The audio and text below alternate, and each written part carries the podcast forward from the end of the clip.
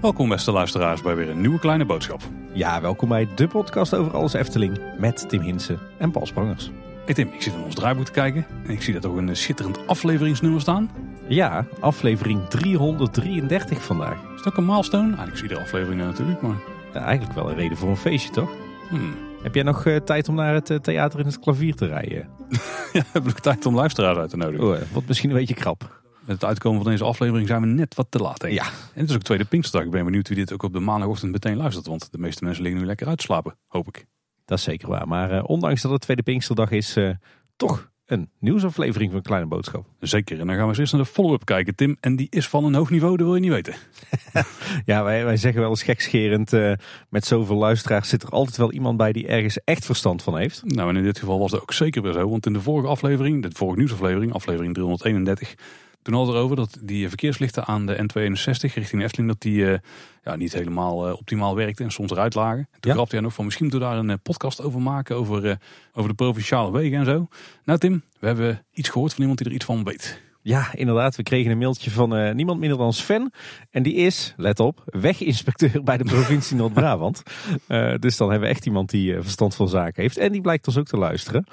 En eh, die wist ons te vertellen dat het net iets anders eh, zit. Want de verkeerslichten bij de afrit van de N261 met de Europalaan zijn niet van de provincie, maar van de gemeente Loon op Zand.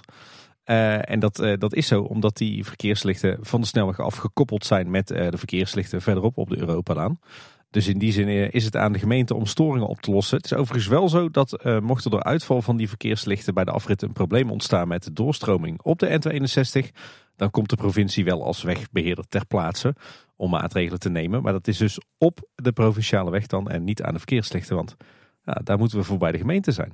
Sven, echt enorm bedankt voor die feedback. En eh, luisteraars, heb jij een expertise op een bepaald gebied... en zeggen wij er is totaal onzinnig over, dan horen wij natuurlijk graag. hè.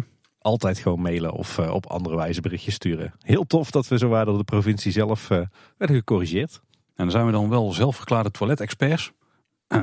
Nogmaals, zelfverklaard. Maar toch nog wat feedback op toiletten die we de vorige keer bespraken, Tim. Ja, ik moest wel lachen. We hebben echt ongelooflijk veel reacties en correcties en aanvullingen gehad op ons toilet-item. Dus blijkbaar leven toiletten in Efteling niet alleen bij ons, maar ook bij onze luisteraars. Nou, op een paar puntjes hadden we misschien een beetje even de pot gepist. Eh, maar even in het algemeen, de toiletten van Vater Morgana zijn nu ook volledig geopend. Dat is natuurlijk nieuw. En er komt weer water uit de 3 ene bekken bij het gemak. Maar het werkt nog niet op een sensor. Dat was ons wel beloofd hè, om eh, waterbesparing eh, te doen. Ja, misschien gaan we dat eh, straks voor het eerst zien bij de, de laatste hoop. Hè. Daar zit ook zo'n fonteintje. Nou, mooie toevoeging van Liesje Logo. Op, over dat we de zwarte toiletbrillen een beetje cheapy eruit vonden zien. Maar die merkte op dat zwarte toiletbrillen voor mensen met een beperkt gezichtsvermogen beter herkenbaar en meer zichtbaar zijn. En ook de diepte kan dan beter ingeschat worden.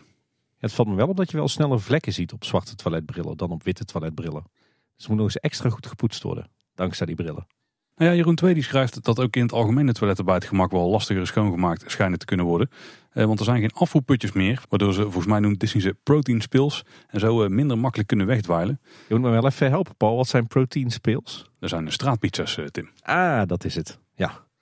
Wist je dat het een van de meest voorkomende bouwfouten is? Dat schropputjes worden vergeten in keukens, in badkamers, in toiletgroepen. Ja? Dat gaat echt ongelooflijk vaak fout in de bouw, Oh, ja. Dat als je kinderen hebt, dan is het toch vreks praktisch in één keer.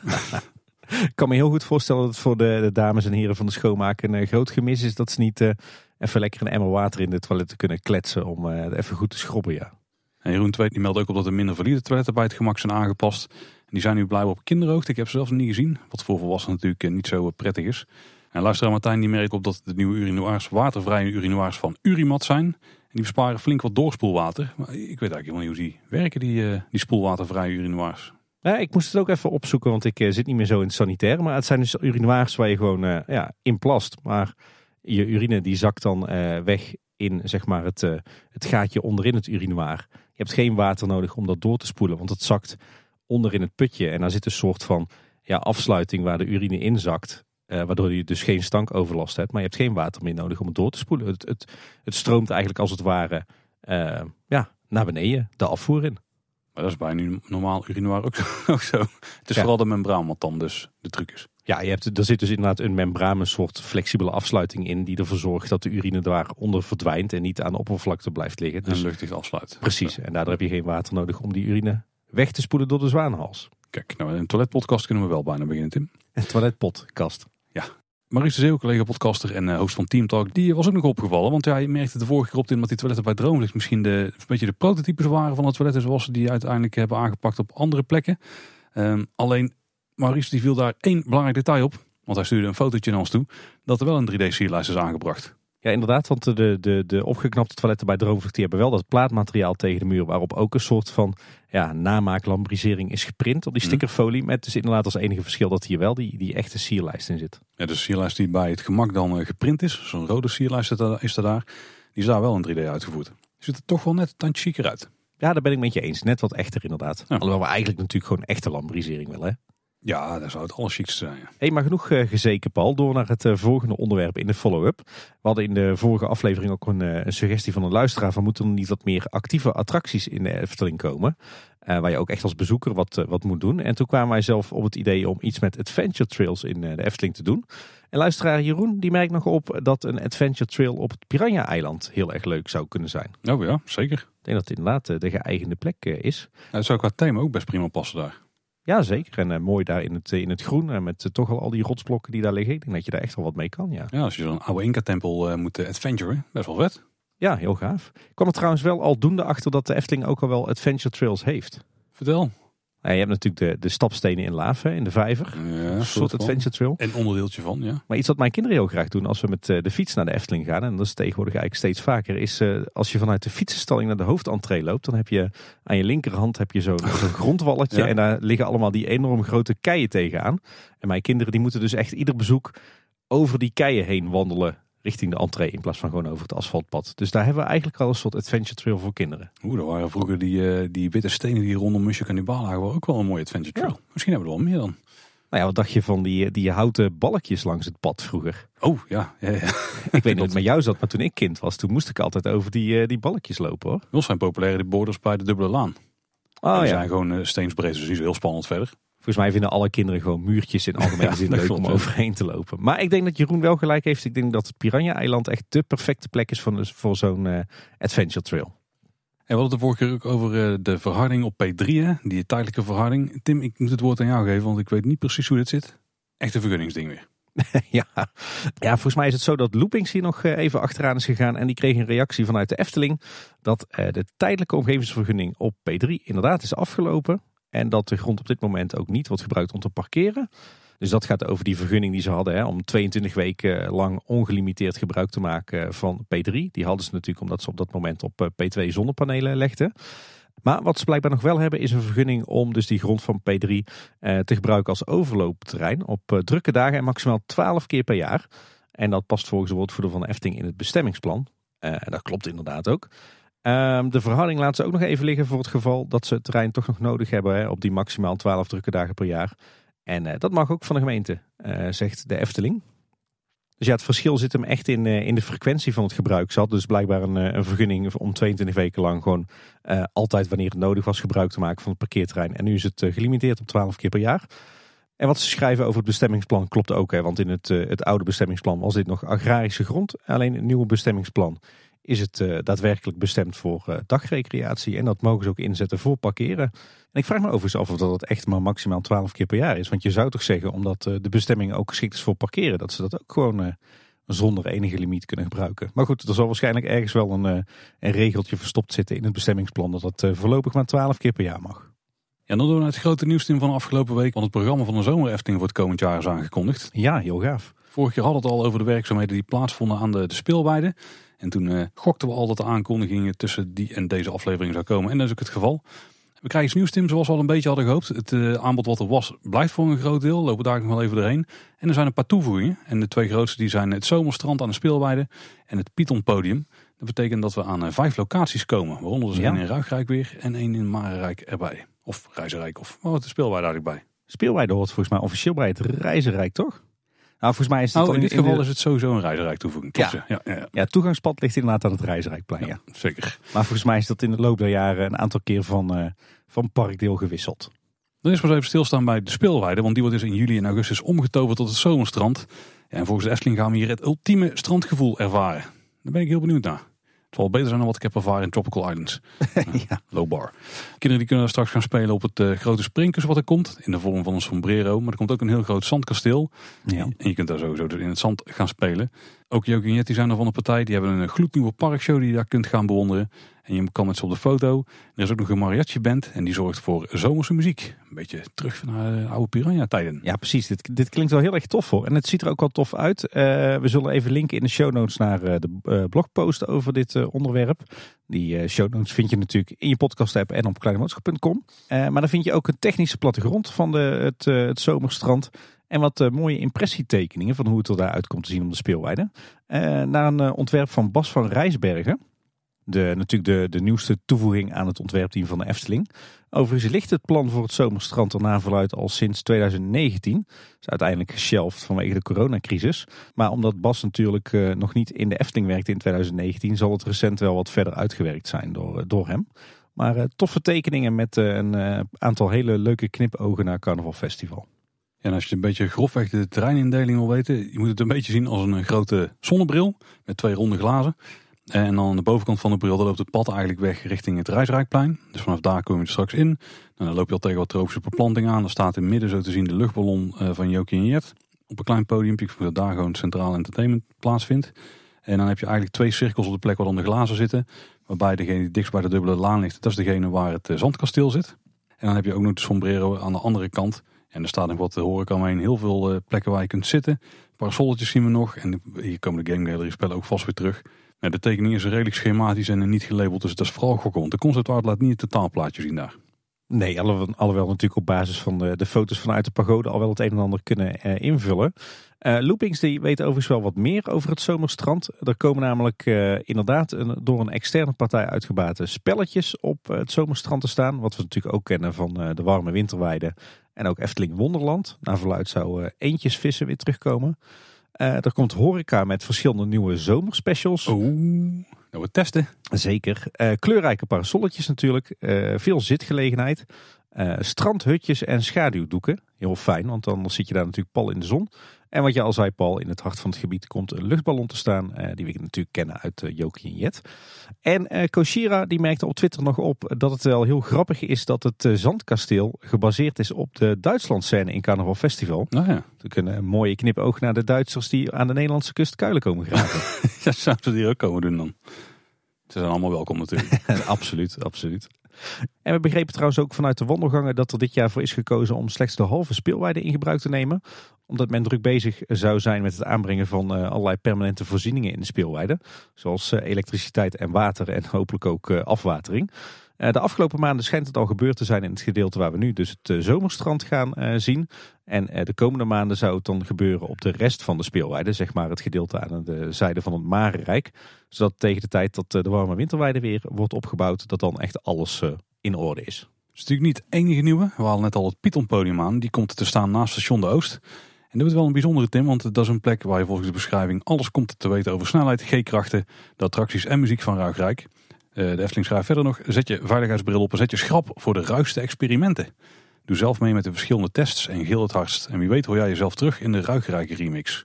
Oh, dus dat gaat niet alleen over techniek, maar ook over muziek. Ik vraag me dus af in hoeverre dit echt een show is. Ik denk dat dit vooral een heel interactief uh, ding wordt. Misschien een beetje Team Park Science-achtig uh, gebaseerd zelfs. Zou Danny hier gewoon de hele zomer staan op het podium? nou, dan hadden we het wel geweten, denk ik. Hij zou het wel kunnen, denk ik. Nou, ik, ik gok dat hier dus van die klassieke dingen gaan gebeuren. Als uh, we pakken een M met water en die gaan we hard rondslingeren en dan worden we niet nat. Zo werken geen krachten. en waarschijnlijk inderdaad dat je gaat gillen en dan met een decibelmeter gaat kijken wie het hardste gaat gillen, et cetera. Maar hoe het dan bijvoorbeeld zit met die Ruikrijk remix. Zou er iedere dag een unieke remix maken of zo?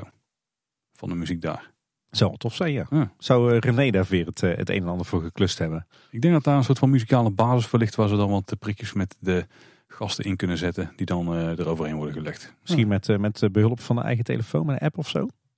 Ja, vanuit het podium. Ik heb geen idee. Dit lijkt wel een van de meer innovatieve pleinen te worden. Als in niet het, onderwerp als we bespreken... maar gewoon dit is iets wat we nog niet eerder hebben gezien eigenlijk in het park.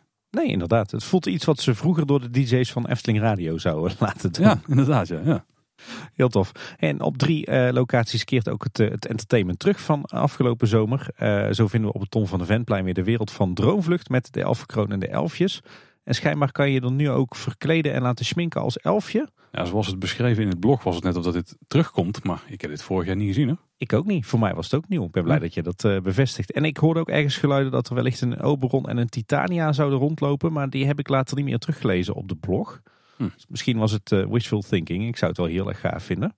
Oberon heeft tegenwoordig twee schoenen, dus hij kan maar naar buiten. ja, dat is helemaal waar, ja. Uh, Max en Moritz komen ook weer terug met een vliegmachine. Act waar ik zelf niet heel erg uh, gecharmeerd van ben, moet ik zeggen. Uh, deze keer nemen ze ook een nieuwe blaaskapel mee, de Anderberg Muziekverein.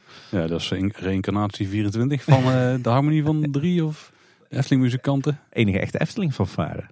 En net als vorig jaar zijn ook uh, bakker Krumel en vrouw Smettelinger. En vinden we op het, uh, op het plein uh, rond Bekkerij Krumel ook een, een zomerse aankleding. En op het Vater Morgana plein daar gaat Jin weer terugkeren. Maar of, of er verder nog andere details bij komen is nog onbekend.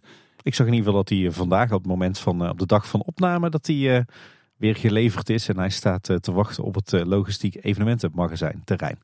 Nou, ik, denk dat dit wel precies is waar we een beetje op hadden gehoopt. Dat er vorig jaar een soort van nieuwe basis of een herstart is gegeven aan uh, ja, de zomerse festiviteiten in de Efteling. Vorig jaar zijn we op drie plekken begonnen met die nieuwe invulling. En we hadden toen Efteling Wonderland nog tijdelijk. Maar nu hebben we dus de meer definitieve invulling, of in ieder geval voor de komende jaren van de speelweide. Die dan dus mogelijk ook nog gaat groeien. Uh, dus ze doen hier eigenlijk precies wat we hoopten. Steeds verder uitbreiden. En ik denk dat ze nu op het randje zitten. We moeten het nog gaan meemaken. Want misschien dat er nog verder extra entertainment het park heen gaat. Maar ik denk dat dit nu mogelijk het kantelpunt is waarmee er uh, weer voldoende body is bij het evenement. Wat vorig jaar toch net een beetje te weinig voelde. Ja, en ik denk dat ze hier ook wel mooi die lijn doorzetten. Dat wat ze nu toevoegen aan, uh, aan festiviteiten, dat het ook echt volledig in thema is. En volledig aanhaakt op de storytelling van het gebied waarin het plaatsvindt. Hè? Ja, zeker. zeker. Ja. Kijk, misschien moet er nog één, twee dingetjes bij of zo. Misschien nog iets Rondom het Sprookjesbos hebben ze ooit wel aardige dingen gedaan. En rondom Symbolica zou nog wel een mooie plek zijn, denk ik, om iets te doen. Maar dan heb je weer een vrij goed gevuld programma. Dan gaan we langs maar zeker weer naar een 7 eh, tot 9 pleinenfestijn. Ja, nou, dat was toch niks mis mee vroeger. Ik heb alweer zin in een pancake dance, hoor. Oeh, pancake, ja, nou, die kunnen ze sowieso al uit de kast halen. Of die, die hele gave act met die, uh, die klassieke muzikanten bij het huisje van vrouw Holle. Ja, nou zo zat ik te denken. Ja. Er heeft ook ooit een koets rondgereden met uh, prins en prinses en zo op het Routenplein. Maar ja, nou gaan we stiekem wel weer terug naar het Negenpleinenfestijn. Ja, terwijl we zo aan het uh, armchair imagineren zijn. Wel dingen die in het thema passen van. Dus de, wat dat betreft matchte die toen al. Ja, ik moet zeggen dat ik best wel enthousiast ben over dat, uh, dat zomerstrand. Ik bedoel, de speelweide is natuurlijk echt wel geëigend voor. Hè. Is natuurlijk al sinds jaar en dag de plek waar je iedere zomer en iedere winter tijdelijk even buiten de lijntjes kan kleuren. Uh, de zomerstrand voelt een klein beetje zo, omdat we natuurlijk nergens in de Efteling al een strand hebben. En het is natuurlijk heel erg uh, kleurrijk en, en carnavalfestival Jokie en Jet. Oh, de wereld van Zwembad heeft een strandje tegenwoordig. Hè? Ja, dat is waar. Maar het valt toch een klein beetje in het niet vergeleken met het, uh, het zomerstrand. Maar daar hoor ik wat kritische geluiden over. Van is het weer niet te bont en te kleurig en te veel op kinderen gericht. Maar A, dat mag daar, want we zitten daar in de wereld van, uh, van Jokie Jet. Zeker nu dat pad uh, vanaf het Rijsrijkplein uh, zo naar de speelweide loopt. En ik vind dat op de speelweide ook best wel past. Als ik zie wat daar de afgelopen drie decennia allemaal voor circus tenten en trapezekoorden en fanfares en, en de meest uiteenlopende evenementen hebben gestaan. Samson en Gert. Nou ja, dan is dit zomerstrand past daar prima binnen. En dan is het eigenlijk nog wel heel mooi in thema en in verhaal met Carnaval Festival. Nou ja, dat, dat wel. We moeten de uitwerking natuurlijk nog gaan zien. Ja, wat het enige wat ik daar een beetje jammer voor ben is dat het de eerste dag er super strak bij ligt. Of met een opening evenementje of mocht er daar gaan komen. En dat zodra de kinderen daaraan gaan gaan, dat het zand zich over alle paden en zo gaat verspreiden. Dus we gokken dat, dat je daar gewoon vrij een soort zandbak kunt spelen of zo. Mijn ervaring is dat zandbakken en pleinen dat daar meestal uh, uiteindelijk gewoon één grote zandbak wordt. Maakt toch ook niet uit? Nee, maar dat, dan doet het misschien een beetje al van het sfeertje wat ze daar willen creëren. Of de geordendheid die in ieder geval de concept art en die plattegrond uh, lijken te hebben. Het is dan minder geometrisch, ja. Ja, veel minder. Ik denk wel dat het meer zal voelen als een, als een kunstmatige zandbak dan echt als een strand. Omdat je natuurlijk ook helemaal geen water hebt. En omdat ze inderdaad heel echt met die geometrische vormen hebben gewerkt. Hè. Met echt het, het zand is echt strikt een cirkel en daaromheen een stenen pad. Ja, dat voelt natuurlijk niet echt als uh, uh, de Costa del Sol. Het zijn meer de zomerduin eigenlijk. Of de zomerspeeltuin. Oeh ja, dat is een speeltuin. Ja, nou ja, ik vind het in ieder geval heel tof dat ze echt hun best hebben gedaan om alles hier in het, uh, in het thema van, uh, van Jokie en Jet van Carnaval Festival te thematiseren. Wel jammer dat er dan weer van die betaalde spelletjes van zo'n externe exploitant bij moeten. Nou, nee, je zal hem maar in ieder geval uh, niet zien. Nee. Bij die spelletjes dan. Hè? en ik moet zeggen, de, de toevoeging in het Ruigrijk is ook echt wel heel gaaf hoor. Heel tof dat ze daar wat meer de serieuze kant op gaan. Misschien ook wat meer voor de wat oudere kinderen. Ja, ik kan me ook voorstellen dat het juist voor de, eh, nou, voor de kinderen van onze leeftijd ook heel interessant kan zijn. Ja. Maar daar weten we nog het minste van. Dat, dat is nog het meeste gewoon invullen op basis van eh, de beschrijving van de zin of drie, vier die we hebben gekregen. Dus eh, ik ben daar vooral heel erg benieuwd naar de praktische uitvoering. En, en slim natuurlijk dat ze nu echt voortaan, eh, tenminste dat lijkt er toch echt om naartoe te gaan, dat ze voortaan gewoon het hele jaar rond die speelweide gaan benutten. Hè? Ja, buiten de momenten dat ze daar alles aan het ombouwen zijn. Zoals nu. Zoals gaan kijken, Tim, wat ze trouwens aan het doen zijn daar. Ja. Want eh, het pad wat dus vanaf het Rijsrijkplein richting eh, ja, daar die twee cirkels gaat lopen. En eigenlijk het hele terreintje daar, die is inmiddels verwacht. Met echt een, eh, een hele bak best wel mooie klinkers. Ja. Best wel chic tijdelijk pad. Zeker. Tenminste, tijdelijk zeg ik. Misschien blijft dit gewoon liggen de, de komende tijd. Zou zo maar kunnen. Ja. En we zijn ook nu bezig met het verharde pad rondom die zomerstranden. En dus eigenlijk rondom die cirkels, maar ook de, de uitlopers daarvan. Wat zetten ze daar tussen, Tim? Want dan lijken ze van diezelfde verharding die ze ook in het Loonse Land gebruiken. Ja, dan gebruiken ze een soort, een soort halfverharding, een soort kleikorrels of een soort leemachtig product. Maar het heeft ook die strandkleur. Is dat niet Ja. wat we dadelijk overal gaan krijgen of zo? Zouden we ons nou rijk rekenen? Nee, nee, want je ziet echt wel op de luchtfoto's dat, dat die twee cirkels eh, die echt strand moeten voorstellen, dat het wel echt speelzand is. Ah, kijk, kijk, kijk. En, en, en die halfverharding, dat is dus dat, dat een beetje dat kleiachtige product, dat, eh, dat wordt dadelijk eh, knoerhard. Verder zien we al twee kiosken. Die zijn gewoon afkomstig van de warme winterweide. Die zijn geplaatst op een van die stukken halfverharding.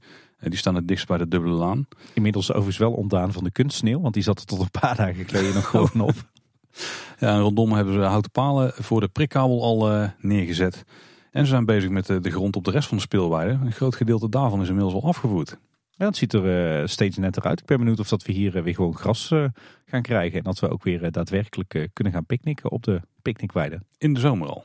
Ja. Oeh, dan moeten ze nog wel een beetje gas geven, denk ik. Weet je wat ik trouwens laatst bedacht? Dat de speelweide eigenlijk al sinds 1949 wordt ingezet eh, als eh, tijdelijk evenemententerrein. Sinds 49 met de schoen. Ja, want tijdens tentoonstelling De Schoen zagen wij op eh, de plattegrond die je onder meer in het Noord-Brabants Museum kon zien, maar die overigens ook al in wat jubileumboeken staat, stond er een lunapark op het grasveld, wat, wat we nu kennen als speelweide. Oeh, dat is ook wel een van jouw dromen, Tim. Dat die terug naar de. Efteling komt. Ja, precies. Beetje dat trouwens het Luna Park, of niet? Die hoort bij de stoomcarousel. Nou, volgens mij gebruikten ze daar de term lunapark meer voor een soort tijdelijke kermis. Oh ja, eh, vroeger, vroeger. Kan je nagaan. We hadden al een speelweide in de huidige opzet eh, ruim 70 jaar geleden. Sowieso. Nou, op dit moment is eh, in de rest van het park nog niet zo heel veel te zien. Nou, we hebben dus de gin zien arriveren. De Pythonweide die is afgesloten, maar dat is eigenlijk dat is volgens mij al, al maanden het geval. Maar hij is vaker wel afgesloten dan niet inderdaad, ja. En bij het Vater Morganaplein is ook wel tijdelijke verlichting aangebracht. Ja, we hebben ook nog eventjes hè, tot, eh, tot juli. Begint ook echt bij de start van de zomerefteling passen. Ja, ik zag ergens op de blog staan juli en augustus. Maar vanaf hoeveel juli is volgens mij nog niet bekend. Het kan goed vanaf 1 juli zijn. Soms zijn ze heel strikt in, soms is het het eerste weekend. Oh, wacht, ik zie nou in mijn agenda dat 1 juli een zaterdag is. Dus dat is vrij duidelijk, denk ik, wanneer het open gaat. Zal je zien dat het 8 juli open gaat. Ja, we moeten denk ik 1 juli wat tijd vrij in de agenda, Tim. Ja, dat kan. Dan ben ik nog niet op vakantie. Ik eh, ook nog niet. Tim, de Efteling heeft wel iets met bouwplaatsen met cirkels erop. Want eh, naast de grote cirkels... die Oh, een goede brugpaaltje. speelweide- is ongelooflijk, hè? Dank je. Dank je. Zijn ze bij Dans Macabre natuurlijk ook eh, met de grote cirkels bezig. Ik zal daar eens gaan kijken naar de stand van zaken. Want eh, verticaal gaan, nou, dat doen ze daar absoluut. Het gaat als een malle daar bij. Dans Macabre. Op heel veel vlakken gaat het daar verticaal. Eh, bij de abdij, dus het hoofdgebouw, showgebouw dadelijk. Daar hebben we een, een mooie actuele luchtfoto van gezien. Dankzij onze droompiloot natuurlijk. Maar ook van, eh, van foto's en video vanaf de, de, de grond zien we heel veel toffe dingen. Eh, de betonwanden van de begane grond die zijn gestort en ontkist. Er zijn ook wat betonkolommen geplaatst in die gang daaromheen. Dus even voor, voor de duiding zeg maar. We hebben dus de kelder al ge- gezien. De echte kelder van het gebouw. Daar heb je dus die overstekende vloerrand zeg maar. Ik vermoed dat daar dadelijk de draaischijf dus op aan gaat sluiten als hij op het allerlaagste punt staat. Ja. Dat zou betekenen dat die wanden die nu zijn geplaatst, dat dat de wanden zijn van het kelderdeel waar wij als gast in gaan komen. Dus de kelder van de abdij zeg maar. De showkelder. Ja, nou laat dit de kelder van het bij zijn. En hebben we ook nog de techniekkelder. En die Ja, zit daar ja, dan weer onder. Wat dus gaat betekenen dat die eh, betonkolommen die nu zijn geplaatst. Dus eigenlijk weer in een cirkel buiten die, eh, die wanden die er nu staan. Dat die de vloer mogelijk gaan ondersteunen. Waar dan straks de rest van de showruimte bovenop komt te liggen. Ja. En eh, dan betekent dus dat als de schijf omhoog gaat. Dat de showruimte in één keer veel wijdser en groter wordt. Omdat je dan veel meer ruimte hebt. Maar dat betekent ook dat je dus rondom die abdijkelderruimte zeg maar. Dat je daar dus de plek hebt voor een wachtrij. Voor de souvenirwinkel. Eh, waarschijnlijk voor een traphuis of zo. Want je moet natuurlijk wel naar boven en naar beneden kunnen ook Ja. nog. Tenzij we daar in en uitstappen trouwens. Zou nog kunnen. Dan is het niet nodig. Het, eh, we, we zijn nu heel speculatief bezig. Hè? Dit is onze interpretatie van wat we buiten zien. En een beetje wishful thinking. Want we hopen gewoon op een grote showruimte natuurlijk. Maar ook nog op ruimte voor een wachtrij binnen en, eh, voor, en voor shows en dat soort dingen. Ja, Ja, want dat is, dat is nu een beetje de structuur. Hè. Het lijkt er zeg maar op dat, dat de buitenwanden van, van de showruimte, die worden in het, in het werk gestort. Hè. Dus met, met bekistingen. Daaromheen hebben we straks een soort gangenstelsel. Met allemaal die kolommetjes erin. En daaromheen komt weer de echte buitengevel zoals we die ook kennen van de impressietekening. En ook daaraan wordt gewerkt. En zoals we ook verwachten wordt die inderdaad gemaakt van prefab beton. Dus dat zijn van die ja, betonnen gevels die gewoon op de vrachtwagen aankomen. En die schuiven ze dan mooi over die, uh, die stekeinden heen. En dan staat er ineens een heel stuk muur. En dat gaat hartstikke hard. Want op het, uh, het moment van opname is dus zowel die binnenrand klaar van gestort beton. Als ook de hele buitencirkel van prefab beton. We hebben er niks van gezien, maar zitten dan ook al de openingen voor de deur en zo in? Daar heb ik eigenlijk net niet genoeg foto's voor gezien om dat te kunnen zeggen. Maar het lijkt mij wel als uh, dit is begane grondniveau. En hier gaan we de, toch wel deuren zien. In ieder geval voor de uitgang. Ja, bijvoorbeeld de Artist Impression hebben we wel een aantal deuren gezien. Ja, ook wat uh, techniekdeuren denk ik. Of wat deuren voor backstage ruimtes. Ik ben heel benieuwd. Ik ben heel benieuwd. Het gaat in ieder geval super hard. Volgens mij hebben ze echt maar één dag nodig gehad om, om de buitengevel op begane grondniveau te plaatsen. En natuurlijk ook die aanbouw, degene aan de Fabula kant, dus dat, de vierkante blok. En daar lijkt nu een tijdelijk dak opgelegd te zijn. En uh, dat betekent dat ze daar binnen waarschijnlijk al aan de techniek aan het werk zijn. Ja, dat loopt denk ik uh, parallel op met, uh, met de bouw van het gebouw. Hè? Ja. Zeker nu ze er natuurlijk nog van alles gewoon in kunnen takelen. Wat we ook zien is dat er rondom de abdij allerlei andere funderingen gestort worden. Die zijn dus niet voor het showgebouw zelf, maar waarschijnlijk voor elementen die we in de wachtrij gaan zien. Of misschien gewoon losse elementen in het themagebied of zo. Ja, we weten van de Bird's Eye View dat er nog allerlei muurtjes en bouwseltjes uh, overal komen. Hè? En die uh, moeten natuurlijk ook langzaam maar zeker gebouwd gaan worden. En de vorige nieuwsaflevering had het al over een paar uh, mooie decorelementen die beton uitgevoerd zijn en zijn geleverd. En we hebben nu veel meer van die betonnen elementen gespot. Hè? Ja, de hele dienstweg in de Kano staat er vol mee. Dus het lijkt er toch echt op dat er binnenkort ook echt gewoon ouderwets gemetseld gaat worden. Dat is op zich wel logisch, want als die buitenwanden van de begane grond staan, dan gaan ze daar natuurlijk langzaamaan tegen op omhoog metselen. En dan gaan ze die elementen daarin plaatsen rondom de deurposten. En, zo. en gaan ze metselen of gaan ze met spuitbeton op die prefabbeton oh. spuiten? Oeh, ja, de testmuurtje hebben we natuurlijk gezien. En ik ging er altijd vanuit dat het voor de abdij was. Maar dat was natuurlijk voor de zwarte kat, dat weten we inmiddels. Oh, dat is een goeie. Ja, of zou er nog isolatie tegen aankomen en zou daar inderdaad tegen aangemetseld worden? Er lag wel echt een berg isolatiemateriaal ja. uh, paraat. Ja, dus ik denk dat ze dat nog eerst gaan doen. Hm. Uh, en uh, ze hebben ook nog een, een, nieuwe trafo geplaatst. Vrij belangrijk natuurlijk voor een apparaat dat waarschijnlijk heel veel elektriciteit gaat slurpen. En die is al donkergroen geschilderd, mooi go away green. Net als die grote bunkers hè, die we rondom de Efteling vinden. En in de Efteling op een enkele plek ook. voor het warmtekadersysteem. Zodat die mooi wegvalt in het groen. En die staat aan de Fabula en, en nou we het toch over het, het bouwterrein hebben rond de abdij. Even een, een groot compliment voor de Efteling, voor het team wat daar werkt. Want het is wel een ontzettend schone, opgeruimde, nette bouwplaats hoor, moet ik zeggen ligt er echt piekfijn bij. Ik hou net zoals jij natuurlijk alle filmpjes en foto's van deze bouwplaats bij. En het is echt om door een ringetje te halen. Ik denk dat er menig huis is wat er niet zo netjes bij ligt als deze bouwplaats. Dat neem ik achter elkaar aan. Het showgebouw is nog in de, de ruwbouwfase, denk ik, Tim. Maar in de Zwarte Kat en de Laatste Hoop, die zijn al van buiten in Nederland klaar. Maar toch zijn ze nog wat puntjes op de i aan het zetten. Het terras is nu inmiddels al uit de hekken. En ook in gebruik. Ja, en als je dit zo ziet, Tim, dit terras, doet je dan nog ergens aan denken?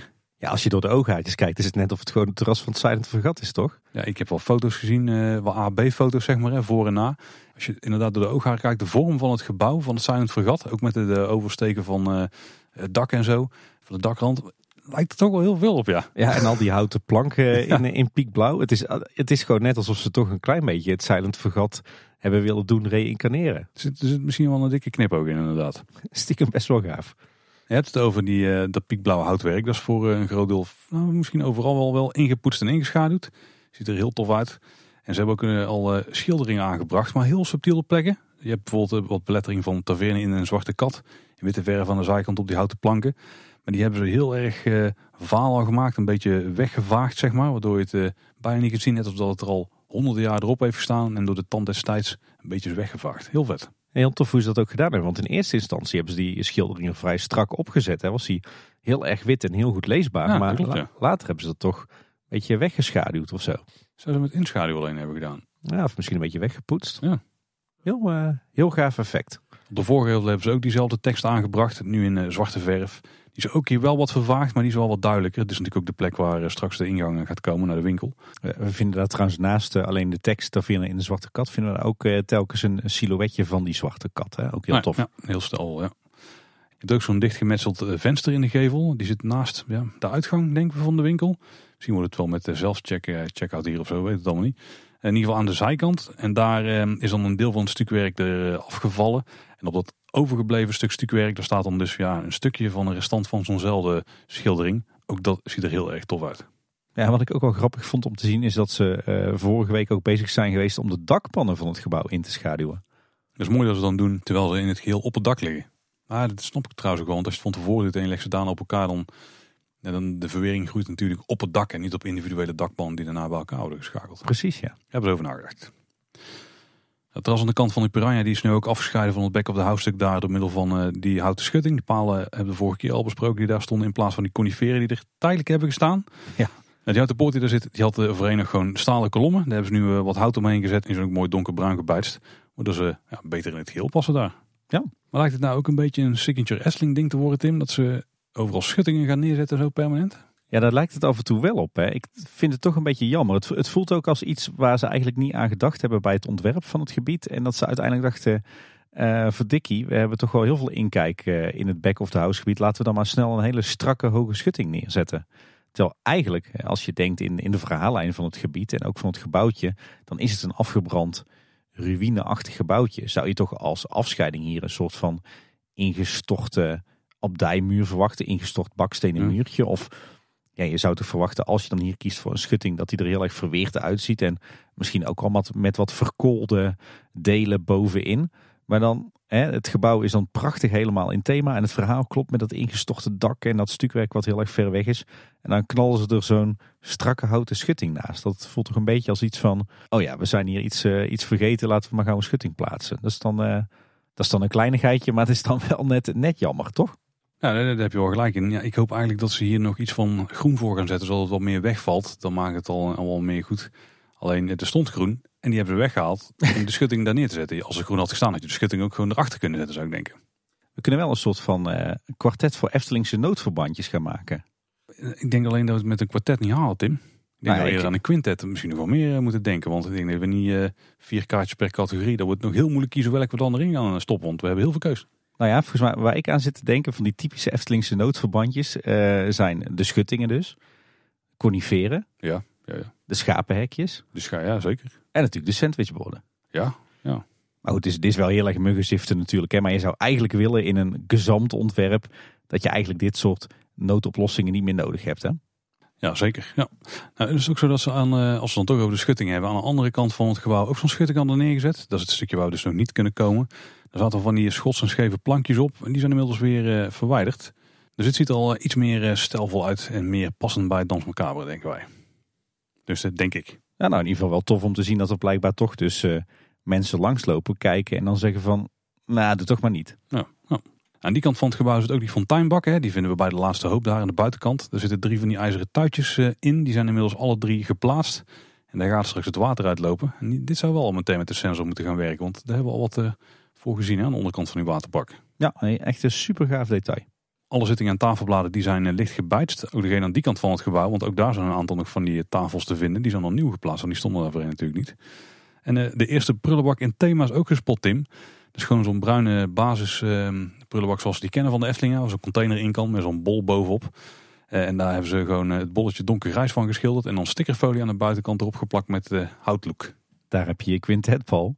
Daar is er ook nog eentje inderdaad. Ja. Stickerfolie. Zo. Nou, het quintet gaat om het, uh, het, punt hoeveel kaartjes er zijn per categorie natuurlijk. Hè? Oh ja, jij bent meer van de spellen dan ik. Dus dat scheelt. maar inderdaad de vijfde categorie. Ja, ja, nou, het is misschien niet helemaal geslaagd. Dit hadden ze gewoon wel simpel. Hadden hem gewoon zwart geschilderd. was waarschijnlijk ook goed geweest. Ja, of had hem gewoon een beetje, beetje nep roestig gemaakt. Hè? Ja, Zoals we volgens mij ook ja. een beetje, een beetje kennen bij de Vliegende Hollander. Dat had uh, ook prima in het themagebied uh, gepast. Hè? Hey, weet je wat het punt er hier een beetje bij is? Als je zo'n houtlook print, die doe je in een gebouw de binnenkant, zoals bij het gemak of zo, valt het iets minder op, want er valt dan niet direct natuurlijk zonlicht op. Alleen hier heb je natuurlijk heel veel zonlicht wat dan op het metaal valt, dat, dat glimt heel erg. Alleen ja, daar krijg je ook over heel die sticker heen, zeg maar. Dus als je op de, de goede hoek ernaar kijkt, dan is het gewoon een groot oplichtend wit vlak. Wat dan als je op een andere hoek kijkt, in één keer verandert in een beetje verhaal houdt. Want dus in de video's die ik heb gezien, lijkt de sticker ook niet super contrastvol te zijn of zo. Ja, een beetje, ja. Het, het, gaat ook het gaat verbleken, het gaat slijten, het, de, het wordt er afgepulkt. Dus, uh... Ook mijn gezicht hoor, want ze hadden het ook gewoon bruin kunnen laten. En gewoon van de Pardoespromenade afgetrokken van vroeger nog. Maar wat dat betreft is dit wel beter. Nou ja, misschien kan je ijzer beter gewoon ijzer laten als het toch al ijzer is. Dan dat je er een sticker op plakt om het houtlook te geven. Nou, was misschien ook een mooie oplossing geweest. Maar goed, we zitten extreem in de muggenziftmodus Zo. nou. Dat is natuurlijk ook omdat we iedere twee weken dit gebouwtje echt tot in het kleinste detail uit elkaar trekken. Omdat we er stiekem gewoon verliefd op zijn. Dus, eh, eh, want ja, laten we dan doorgaan naar een, eh, een van de laatste puntjes. Eh, dat zijn de verlichtingsarmaturen. Die aan de buitenkant die hangen natuurlijk al een tijdje eh, aan het gebouw. De, de hele spooky lampjes, echt heel erg tof zijn die, met gekleurd glas erin. En dat gekleurd glas hebben ze nou aan de binnenkant, aan de onderzijde, ook eh, zwart ingeschaduwd. Waardoor het lijkt alsof die, eh, die lampjes eh, zwart geblakerd zijn. Heel tof. En de verlichting werkt inmiddels ook al. Dus we gaan echt richting een, een oplevering. De laatste hoop hebben ze dan aan de buitenkant. ehm, ja, een soort van moderne LED-armaturen eh, gegeven om de gevel aan te lichten. Met groen licht. Ik ben even benieuwd of dat thematisch is of dat ze hier voor vleermuisvriendelijke verlichting hebben gekozen. Dat zou natuurlijk ook nog kunnen vanuit het hele flora en fauna gebeuren. Maar die zijn dan weer niet in thema. Maar dus, die zitten misschien aan de back of the house kant. En we kunnen ook een beetje binnenkijken bij in de Zwarte Kat. En daar eh, vielen wat mooi gedetailleerde ronde houten kolommen en togen op. En gethematiseerde lampjes. En ze zijn de binnenverlichting daar ook aan het testen. Ja, ik hoop dat we... Nou, zouden we dit voor de zomer niet kunnen gaan zien? Wat was ons beloofd?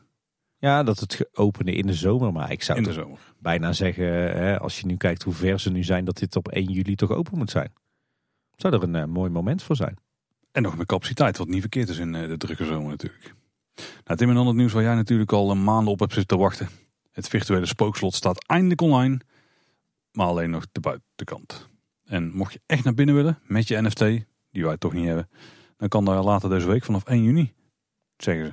Ja, dan moet je naar eh, spookslot-metaverse.efteling.com gaan.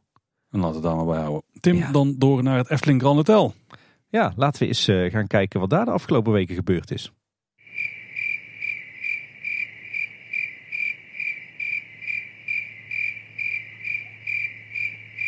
En naar deze enerverende update, Tim, door naar eh, de Zonneweide. Want daar zijn ze natuurlijk volle bak bezig om eh, het nieuwe zonnepanelenpark van Efteling aan te leggen. De bouwvergunning daarvoor die is verleend. eh, specifiek voor het aanleggen van een zonneweide met hekwerk, een inrit en een ondergronds kabeltracé. Ik moet zeggen, ik vind het wel wat verwarrend hoor. We hebben nou een zonneweide, een speelweide en een zomerstrand. En een zonnepanelen parkeerplaatspark. Nee.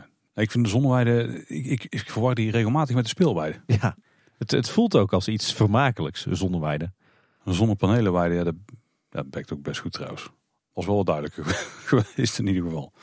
Overigens hadden we ook ooit een paar jaar een zonneweide in de Efteling hè? Bij het oude zwembad? Ja, dat was toen het, eh, het zomertheater weg was op de plek van het oude zwembad. Dus eh, vanaf 2002 eh, totdat daar de Vliegende Hollander werd gebouwd in 2005. In die tussenliggende periode kon je daar gewoon lekker in het gras liggen. En dat gedeelte van het park heette de Zonneweide. Kan ik echt alleen maar op die plek. Hè. Op de speelweide kan je niet in, in het gras liggen van de zon genieten. Daar lig je niet aan het water. Ja, dat is waar, ja, tenzij je glas omstoot of zo. Hey, maar de werkzaamheden die zouden op 8 mei zijn begonnen. Zonder al te veel fanfare in ieder geval. En als we nou gaan kijken naar wat ze hebben gedaan, dan, eh, dan is er in ieder geval een groot ketenpark opgebouwd aan de zijkant van het terrein richting de Eftelingse straat. En er is ook een permanent hekwerk al aangebracht. Ze hebben meteen gebruik gemaakt van die vergunning. Eh, die staat om het hele perceel heen. Alleen de palen staan nog op dit moment, dus al het eh, gaaswerk moet er nog tussen komen hangen. Ja, dat is volgens mij omdat die, die zonnepanelen stiekem ook erg duur zijn, toch? Ja, dat is, dat is al ja, een best wel gewild. Ik weet niet hoe snel je ze eraf hebt geschroefd als je eraan komt met je busje in te laden. Maar lijkt me niet verkeerd om daar een hek omheen te zetten. Hè? Eh, En ze liggen natuurlijk ook wat meer op een eh, hoogte dat je er makkelijker bij kunt. Als je ze wil gaan stelen bij eh, P2, dan moet je wel met je hoogwerkertje komen. Daar valt er wel gauw op, denk ik. ja. Ehm, die stalen ondersteuningsconstructies, daar zijn ze ook al mee bezig. Daar wordt al flink aan gewerkt. En aan de kabelsleuf, ja, daar wordt echt inderdaad al flink aan gegraven. Er ligt een, een heel groot stuk open eh, vanaf het Eftelingpark die kant op. Want als we dan beginnen vanaf P2, waar natuurlijk de huidige zonnepanelen staan... eh, dan, volgen, dan volgt de tracé nu een eindje langs de Dodenaweg. En dan eh, steekt hij, eh, ja, hij steekt er niet de straat over. Dat stukje moeten ze nog gaan fixen. Maar dan gaat hij in ieder geval vanaf de andere kant van de weg... met een kronkel door P3 heen richting de Eftelingse straat... naar het perceel van de Zonneweide. Ja, hij lijkt nog vrij ondiep te zijn, vind ik wel. Want ik denk dat hij de meter nog niet haalt op dit moment. Nee, dat verbaasde me eigenlijk, eigenlijk ook wel. Ik denk, ja, die kabel moet toch op meter, meter twintig liggen of zo. Maar daar zitten ze nog niet op. Maar waar ik aan zat te denken, omdat ze natuurlijk in landelijk gebied werken, is dat ze eerst bijvoorbeeld die sleuf nog moeten, moeten onderzoeken op archeologische resten. Of misschien op eh, explosieven uit de Tweede Wereldoorlog. Maar Maar hij is al wel breed genoeg om die kabel in te leggen. Maar het gaat om de laatste halve meter of zo. Ja, kan zijn. En daar zijn allerlei uh, onderzoeken voor. Dus uh, waaruit blijkt dat vanaf welke diepte dat je archeologische restanten of, uh, of bommen en granaten kunt aantreffen. En dan kan het zijn dat ze daar eerst moeten detecteren voor ze dieper hm. graven. Okay. Maar goed, ook dat is natuurlijk een, een educated guess. Maar ik vind inderdaad de sleuf erg ondiep voor een, een dikke kabel. En nog een opvallend stukje werkzaamheden op Efteling grondgebied. Want ehm, de oude camping Bernhoeven die daar ooit lag, die is overgenomen door de Efteling. En daar lag een, een weiland achter. En het hekwerk wat er lang stond, die is een meter of, nou ik denk 6 tot 8 of zo opgeschoven. En alle, al het groen is daar weggehaald wat er stond. Er was verder niet zo heel veel spectaculairs of zo.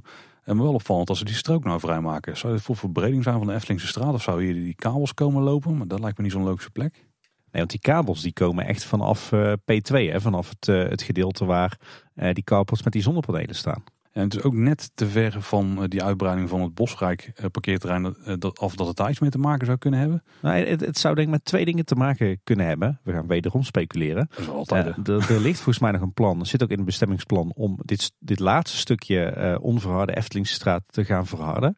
Zodat dit een soort calamiteitenroute kan worden uh, voor de Efteling. Stel dat, nou ik noem maar een dwarsstraat, de Europalaan is gestremd. Dat mensen zo van de parkeerterreinen van de Efteling af kunnen rijden. Um, en we weten dat, uh, dat het schoonmaakbedrijf CSU kantoor houdt in de voormalige minicamping. Misschien dat ze hier wat eh, parkeervakken langs de weg gaan maken. Ja, maar waarom zouden ze dan niet gewoon op het terrein zelf maken? Want daar is ook al een plek voor. Misschien is daar niet voldoende plek. Ja, maar de, het hele weiland ligt ook binnen het terrein. Had je het ja. ook gewoon doorsteekje kunnen maken. Ja, misschien, misschien wel, misschien wel. We gaan het uh, vast zeker zien de komende weken. Vast wel. Het is in ieder geval die verbreding. Ja, die verharding lijkt me ook sterk. Want het is maar een heel klein stukje wat ze hebben gedaan. Want zeg maar twee derde van dat deel is nog steeds gewoon zo smal als dat al was. Dus nou, iets om in de gaten te houden inderdaad. Dan een onderwerp van een hele andere orde, Tim. Want dan gaan we even flink terug in de tijd. Zegt dat wel. Want op FTpedia er staat een, een nooit eerder gepubliceerde luchtfoto van het Rooms-Katholiek Sport- en Wandelpark in Kaatsheuvel uit 1944. Uh, die is uh, online gezet door hun op het lemma van de wielerbaan. En uh, jij zag die foto, Tim, en je denkt, hier moeten we eens even een studie op gaan loslaten. Ja, in eerste instantie dacht ik, oh leuk, een leuk nieuw artikel op Eftepedia. Oh lachen, daar staat een, een luchtfoto bij. En eh, toen ging ik er nog eens goed naar kijken en toen dacht ik, verrek, deze luchtfoto geeft stiekem ongelooflijk veel informatie over dat Rooms-Katholieke Sport- en Wandelpark.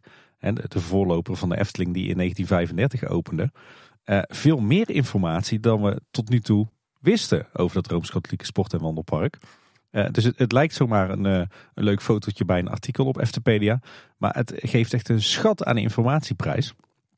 En nadat dat uh, kwartje eenmaal bij mij was gevallen, heb ik toch aardig wat uurtjes in die foto gedoken gezeten. Ehm, het is trouwens een luchtfoto die gemaakt is door de Royal Air Force, hè, de Britse strijdkrachten. Aan het eind van de Tweede Wereldoorlog, 1944. Toen waren wij in het zuiden al, al bevrijd, maar boven de grote rivieren nog natuurlijk Nederland nog niet. En je denkt misschien, hoezo wordt er dan een luchtfoto gemaakt door de luchtmacht? Maar dat was vrij gebruikelijk in die tijd, omdat uh, ja, de Amerikanen, de Duitsers, de Engelsen uh, graag vanuit de lucht in kaart brachten waar de troepen waren, uh, waar bommen waren gevallen, et cetera. dus er zijn echt, echt enorme archieven in Duitsland, in Engeland, in Amerika met stapels en stapels aan luchtfoto's. En Eftepedia is zo slim geweest om hier dus een luchtfoto van de voorloper van de Efteling op te vragen in zo'n archief. Heel tof. En wat is er dan zo bijzonder aan die luchtfoto? Nou ja, als je kijkt naar die voorloper van de Efteling, eh, dan hadden we tot heden eigenlijk alleen maar wat, wat textuele informatie over hoe dat park eruit zag. Wat foto's die we op oude aanzichtkaarten zagen. Eh, en natuurlijk de topografische kaart op eh, topotijdreis.nl. Maar goed, dat waren allemaal ja, redelijk abstracte, redelijk, ja, moet ik dat zeggen, weinig gedetailleerde bronnen van informatie. En zeker die teksten, ja, dat was natuurlijk maar een interpretatie van hoe het er destijds uitzag. Dus we wisten helemaal niet zoveel over hoe dat park er nou uitzag voordat het uiteindelijk de Efteling werd. Te meer omdat de eerste plattegrond die we kennen, uh, die stamt uit 1949. We hadden het er net al over, hè? de plattegrond van tentoonstelling De Schoen. Uh, ook te zien geweest uh, op de tentoonstelling in het Noord-Brabants Museum. Dat was de allereerste echte platte, plattegrond. Dus die luchtfoto uit 44 is eigenlijk onze allereerste ja, gedetailleerde, exacte bron van informatie over hoe de voorloper van de Efteling eruit zag. Overigens daarbij wel een, eh, een disclaimer. Het is natuurlijk de situatie in 1944, dus aan het eh, einde van de Tweede Wereldoorlog. Uh, en we zien ook best wel wat uh, oorlogsschade. Hier en daar op de foto. Het waren natuurlijk ook niet bepaald de gloriejaren van het sport- en wandelpark. Hè. Dat werd eigenlijk na de Tweede Wereldoorlog zoetjes aan weer opgebouwd. Uh, en als je heel goed kijkt op de luchtfoto, en we zullen de foto ook even online zetten, of dan zullen de link naar die foto ook in onze show notes zetten, dan zie je op sommige plekken op de foto ook nog daadwerkelijk bomkraters in het terrein zitten. Die dus het gevolg zijn van bombardementen, waarschijnlijk op het munitiedepot wat naast de Efteling in de Loonsendrunische Duinen lag. Uh, en je ziet bijvoorbeeld heel veel bomkraters op de hoogte waar we nu het, uh, uh, de Aquanura vijver en het theater vinden. Dus ik ben heel erg benieuwd of de Efteling ook iets van een protocol heeft hoe om te gaan met graafwerkzaamheden in, in die hoek van het park. Want ja, je zou natuurlijk zomaar nog op een, een bom uit de Tweede Wereldoorlog kunnen stuiten. Het grappige is dus dat de Efteling wat dan bekend staat als natuurpark, dat het voor een groot deel nog niet eens bebost was. Hele grote delen zijn gewoon weilanden of ja, daar viel me trouwens op hoe ver die woeste gronden eigenlijk nog het park in liggen. Want een heel stuk in eh, de westkant is ook gewoon nog eh, de woeste grond, gewoon echt duinzand, zeg maar. Ja, inderdaad. Want uh, je vindt die, die zandverstuiving en die heide uh, bijvoorbeeld op de plek waar we nu het theater vinden. Het, het entreegebied met het Huis van de Vijf Zintuigen. Maar ook op de plek uh, van de Oude Tuffer.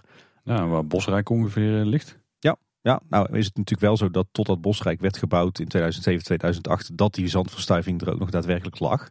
Die is eh, toen pas verdwenen. En je vindt ook nog wat van die kleine zandverstuivingjes in het Duits bosje als je goed kijkt. Hm, klopt, ja, ja.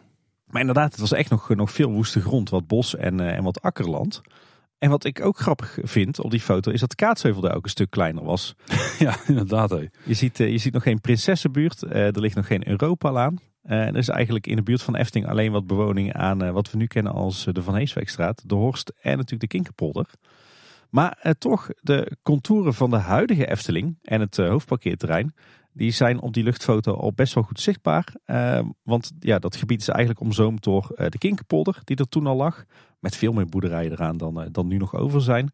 De Eftelingse straat lag er natuurlijk al. Hè. Nou, dat is natuurlijk ook een eeuwenoude weg. Waar het huisje trouwens staat waar mijn opa en oma hebben gewoond. En heel veel van mijn ooms en tantes zijn geboren. Nee, dat is echt fout. Waar twee van mijn ooms en tantes zijn geboren. Heel gaaf inderdaad.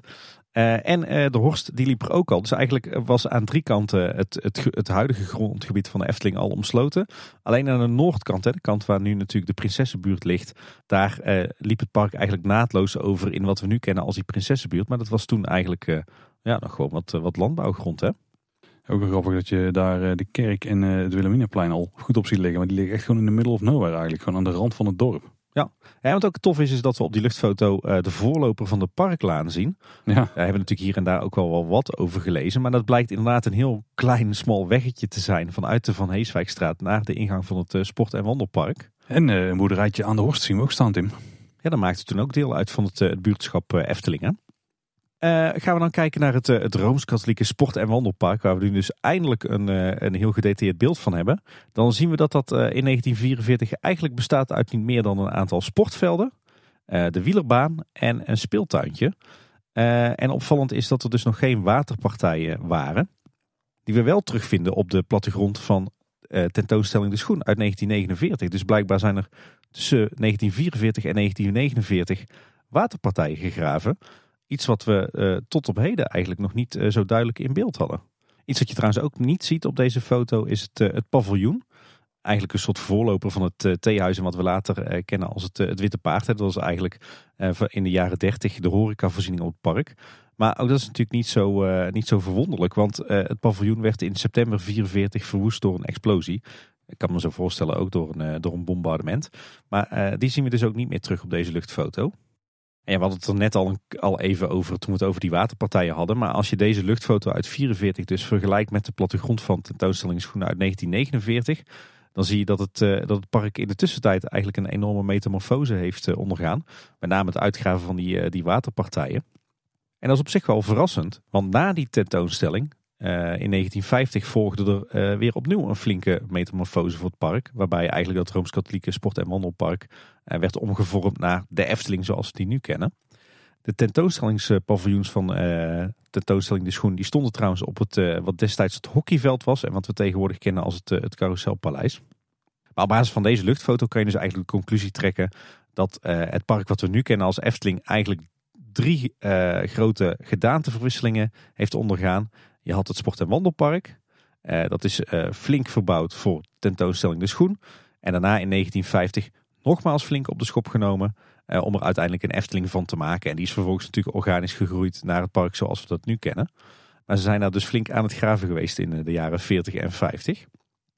En dan zou je zeggen, Tim, zitten er dan eh, echt helemaal geen overeenkomsten tussen dat sport- en wandelpark uit de jaren 30 en 40 en Efteling van nu? Maar als je heel goed naar die luchtfoto kijkt en je legt hem ook naast de, de, de plattegronden en luchtfoto's van nu, dan blijkt ook dat er stiekem best wel veel elementen in de Efteling van nu zitten, die echt nog eh, teruggrijpen naar het Rooms-Katholieke Sport- en Wandelpark uit de jaren 30. Ik zit met je mee te kijken, maar ik heb er toch wel moeite mee. Ja, behalve dan de contouren natuurlijk. Maar je ziet dat er best wel wat paden eh, uit de jaren 30 en 40 nog steeds eh, terug te vinden zijn in het huidige park. Zo eh, liep er in dat sport- en wandelpark al een, eh, een pad op de plek waar nu de Pardoespromenade ligt. Ook het, eh, het pad wat nu vanaf speeltuin Kindervreugd langs het Witte Paard naar de stoomcarousel loopt, is al een heel oud pad. Dat lag al in het sport- en wandelpark. Maar ook bijvoorbeeld de, de plek waar nu de spoorlijn tussen het Sprookjesbos en het hoofdparkeerterrein loopt, met de dienstweg ernaast. Dat was toen al een pad. En ook de Steenboklaan bestond al voordat het park daadwerkelijk de Efteling werd. Hm, ja. En als je dan gaat kijken naar de vier grote grasvelden eh, op eh, de luchtfoto uit 44, dan zie je dat je ook die rechthoekige terreinen nog steeds terug kunt vinden in de Efteling. Want het, eh, het hoofdveld van Desk, de voetbalvereniging, dat kennen we nu als de Sint-Nicolaasplaats. Die is natuurlijk langzaam maar zeker wel volgebouwd met, met Villa Volta, Droomvlucht en Ravelijn. Maar als je goed naar de plattegrond kijkt, dan herken je daar nog steeds een rechthoekig voetbalveld in, in dat gebied. Het hockeyveld, dat is tegenwoordig het Carouselpaleis met het voorplein. Ook een rechthoekig veld. En het oefenveld van Desk van de voetbal, eh, dat kennen we lang als de Siertuin. Het stuk Sprookjesbos waar nu natuurlijk eh de Reus en Klein Duimpje en de Chinese Nachtegaal op ligt. Maar dat was voor 98 was het gewoon ook een heel groot park, een heel groot grasveld. En dat was gewoon het oefenveld van de voetbalclub. En verder herkennen we ook eh, eh, ongeveer de helft van de speelweide aan de kant van het Marenrijk. Dat was toen ook al een, een grasveld. Je kunt eh, heel mooi het perceel zien wat ze later hebben aangekocht om het, eh, het Ruigrijkplein aan te leggen. Eh, maar ook bijvoorbeeld de bomenrij, eh, die we nu op het dienstencentrum vinden, die zeg maar haaks op de Europalaan staat. Die vinden we ook al op deze luchtfoto uit 44. Dus eh, zo zijn er eh, stiekem nog aardig wat elementen uit het eh, sport- en wandelpark eh, die we nu eh, in de Efteling van, eh, van tegenwoordig eh, nog kunnen herkennen. Wat cool dat de Amerikanen deze foto hebben gemaakt. De Engelsen. De Engels, oh ja, natuurlijk de RAF. Ik kan me voorstellen dat ze eigenlijk net, dat ze net iets zuidoostelijker hadden willen maken. En je bedoelt van de munitionsauska bestellen. Misschien hebben ze ook wel gemaakt. Die is wel vast wel gevlogen, ja. En wil je nou het verschil zien tussen eh, de huidige situatie en de situatie van 1944? Martijn Snoeren die heeft op Twitter een eh, gifje gemaakt waarbij hij wisselt tussen de oude en de nieuwe foto. En dan kun je het best goed zien welke delen overeenkomen. Het is natuurlijk heel moeilijk om die precies over elkaar heen te leggen, maar ja, ik vond het ook best wel een goede indruk geven eigenlijk. Ik ben een uur of twee mee bezig geweest. Dus. Met, met die eh, gif eh, bekijken. Nou, niet alleen die gif, maar eh, Zelf speuren. met Google Maps en Topo tijdreizen open naast elkaar. Ja, en dan misschien nog wel de tip, Tim, die we deze aflevering gaan geven. Want dit heb ik eigenlijk nog nergens opgepikt zien worden. Maar luisteraar Dave die heeft een haarscherpe luchtfoto uit 2023 gevonden. Volgens mij van 6 april. Dat is echt vrij recent. Je kunt het bouwterrein van eh, Dans Macabre en eh, het Efteling Grand Hotel erop echt perfect zien liggen. Die zal even linken in de show notes. Die kun je checken via pedoc.nl. Nogmaals, linkje vind je in de show notes. En we begrepen van Dave dat dit een plek is waar eh, volgens mij voor de overheid regelmatig verse luchtfoto's worden geplaatst. Dus het is eigenlijk een plek die we ook regelmatig in de gaten moeten houden. Maar dus zeer recente luchtfoto's van de Efteling van nog geen twee maanden oud. Heel vet om eh, er doorheen te speuren. En ze zijn ook echt super scherp. Haarscherp. Ik kan me niet indenken dat ik ooit zo ver heb kunnen inzoomen. Ik ga het gewoon as we speak nog een keer doen, Tim. En je hebt gewoon echt, echt een prachtig loodrechte luchtfoto van boven van bijvoorbeeld Dans Macabre. Waar je echt fantastisch kunt zien hoe dat showgebouw eruit komt te zien. Ik besef me nu pas hoe ver je echt kunt inzoomen. Ja, zo. Nou, in ieder geval een, een, een direct link naar de luchtfoto ingezoomd op de Efteling. eh, in onze show notes gezet. Dus dat is alleen een kwestie van klikken en dan, eh, dan heb je de goede kaartlagen en eh, de goede coördinaten te pakken. Als we er toch nu naar zitten te kijken, Tim, even om een indruk te geven van hoe gedetailleerd het is. Je kunt dus nu die, de techniekkelder van Dans Macabre daarop zien. Waarbij ze die, eh, die buitenrand aan het aanleggen zijn. Die zo'n beetje oversteekt over die kelderrand. Of over die kelderbak. En je ziet gewoon erin zitten. Waar dadelijk eh, het eh, ritssysteem op bevestigd gaat worden. En ieder individueel balkje van het plateau ze de fundering uiteindelijk. Of niet de fundering, maar waar die vloerlaag straks over hebben gestort. Echt, echt gruwelijk vet. Valt me ook op dat je, dat je zelfs bij de wereld van Simbad echt letterlijk ieder struikje gewoon individueel kunt zien op die foto. Ik ben ondertussen naar mijn eigen woonhuis uh, gescrolld en ik kan gewoon de, de dakpannen individueel op een dak zien, uh, zien liggen. En ik zie dat er ook een meetfunctie in zit, Tim. En tot mijn verbazing is het diameter van die, uh, van die keldervloer, het gat wat erin overblijft, is geen 18 meter. Niet? Nee. Nou, het kan natuurlijk zijn dat een deel van die vloer nog wel wegvalt, maar de buitenmuren, volgens dit kaartje, dus hoe nauwkeurig het allemaal is, dat weet ik niet, van de kelder van de abdij zelf, zeg maar, dus waar we als gast komen, die is iets meer dan 20 meter. Dus ik vermoed dat ze hier nog wat schaaldingen moeten doen. Dus neem dit met een dikke korrels uit, die eh, metingen. Maar laten we gewoon teruggaan naar ons draaiboek, Tim. Want we raken redelijk afgeleid. En ik vermoed dat iedereen die op die link gaat klikken er ook uh, gaat zijn. ja, precies. Laten we het eens uh, over iets heel anders gaan hebben dan over oude luchtfoto's. Ja, onderzoek. Ja, de Efteling heeft een, is een grootschalig onderzoek gestart onder abonnementhouders. En uh, opvallend dat het niet via de Raad de Wijze gebeurde. Ik denk omdat ze het gewoon heel specifiek wilden targeten. En de Raad de Wijze, daar moet je uh, lid van zijn. Volgens mij was dit gewoon letterlijk dezelfde mailing als die uh, abonnementhouders e-mail nieuwsbrief. Oh, dat zal, ja, dat zal dezelfde lijst zijn geweest, ja. ja. Ja, waarom bespreken we het dan? Want in het algemeen zijn die onderzoeken niet zo heel boeiend. Maar hier zijpelde toch in de vraagstelling en in vooral de antwoordopties toch wel wat mogelijke ontwikkelingen met betrekking tot de abonnementen door. En laten we maar eens een stuk voor stuk doorheen lopen. En het eerste wat heel veel mensen opviel is dat er een vraag werd gesteld over uh, of je een parkeerabonnement had. En de antwoordopties daar die gingen over uh, op hoeveel kentekens je een parkeerabonnement had. Maar dat is opvallend, want de huidige parkeerabonnementen die werken helemaal niet met uh, kentekens. Die koop je gewoon voor je abonnement. En als je abonnement is ingecheckt geweest in het park die dag, dan kun je hem gebruiken om ook mee uit te rijden. Ja, en er waren ooit wel parkeerabonnementen op kentekenen, maar dan moeten we echt terug naar begin jaren negentig. Maar die vraag is trouwens ook later weer teruggedraaid. Ja, de, de, inderdaad, op basis van deze vraag trokken best wel veel mensen op social media de conclusie van... Yes, we gaan uitrijden op kenteken, want er komen uh, parkeerabonnementen op basis van kenteken. Maar ja, uit het feit dat de vraag daarna weer is aangepast terug naar uh, hoeveel mensen hebben een parkeerabonnement in jouw gezin. Ja, daar kunnen we toch wel de conclusie uittrekken dat dat nou niet per se wil zeggen dat we ook daadwerkelijk gaan uitrijden op kenteken binnenkort. Ja. Maar er was nog een ander uh, puntje wat uh, langskwam, wat dit vermoeden een beetje voeden. Want er waren wat werkzaamheden bij de uitrijpoortjes van uh, het parkeerterrein. Er zijn namelijk wat nieuwe palen geplaatst, een stuk hoger dan, dan de uitrijpoortjes zelf. Met daar bovenop een soort driehoekige sensor of zo, die onder een plateautje hangt. Heel, heel vreemd. op diezelfde foto's zie je overigens ook dus dat er al op dit moment gewoon camera's staan. Eh, of stonden dus, die uh, eventueel kentekens kunnen scannen. Dus de technologie, ja, eigenlijk alle bouwstenen ervoor zijn er al. Het zal vooral een software dingetje zijn of gewoon überhaupt een keuze die ze zouden moeten maken. Maar ik ben eigenlijk wel benieuwd waar die palen dan verdienen. Ik herken de vorm niet echt. Ik dacht misschien is het een soort van dieptesensor of zo. Die door glas heen kan detecteren hoeveel mensen er in een auto zitten. Om iets van mobiliteitsdingen te kunnen vinden. Ik heb geen idee.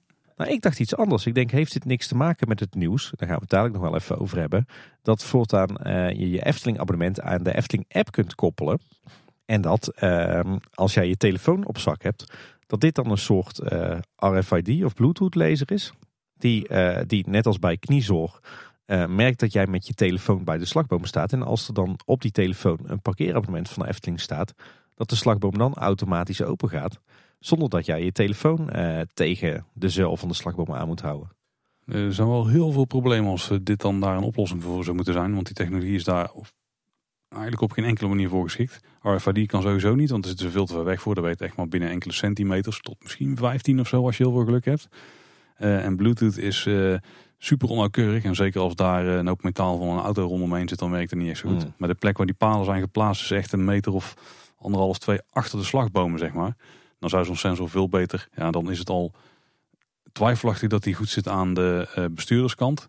Want de passagier, die, of de, de, bijrijder kan ook degene zijn waar de telefoon uh, van is die dan gescand moet worden, zeg maar. Dus dat is al heel vreemd. En op zich werkt het nu gewoon met het scannen van jouw QR-code die ze op je scherm plaatsen.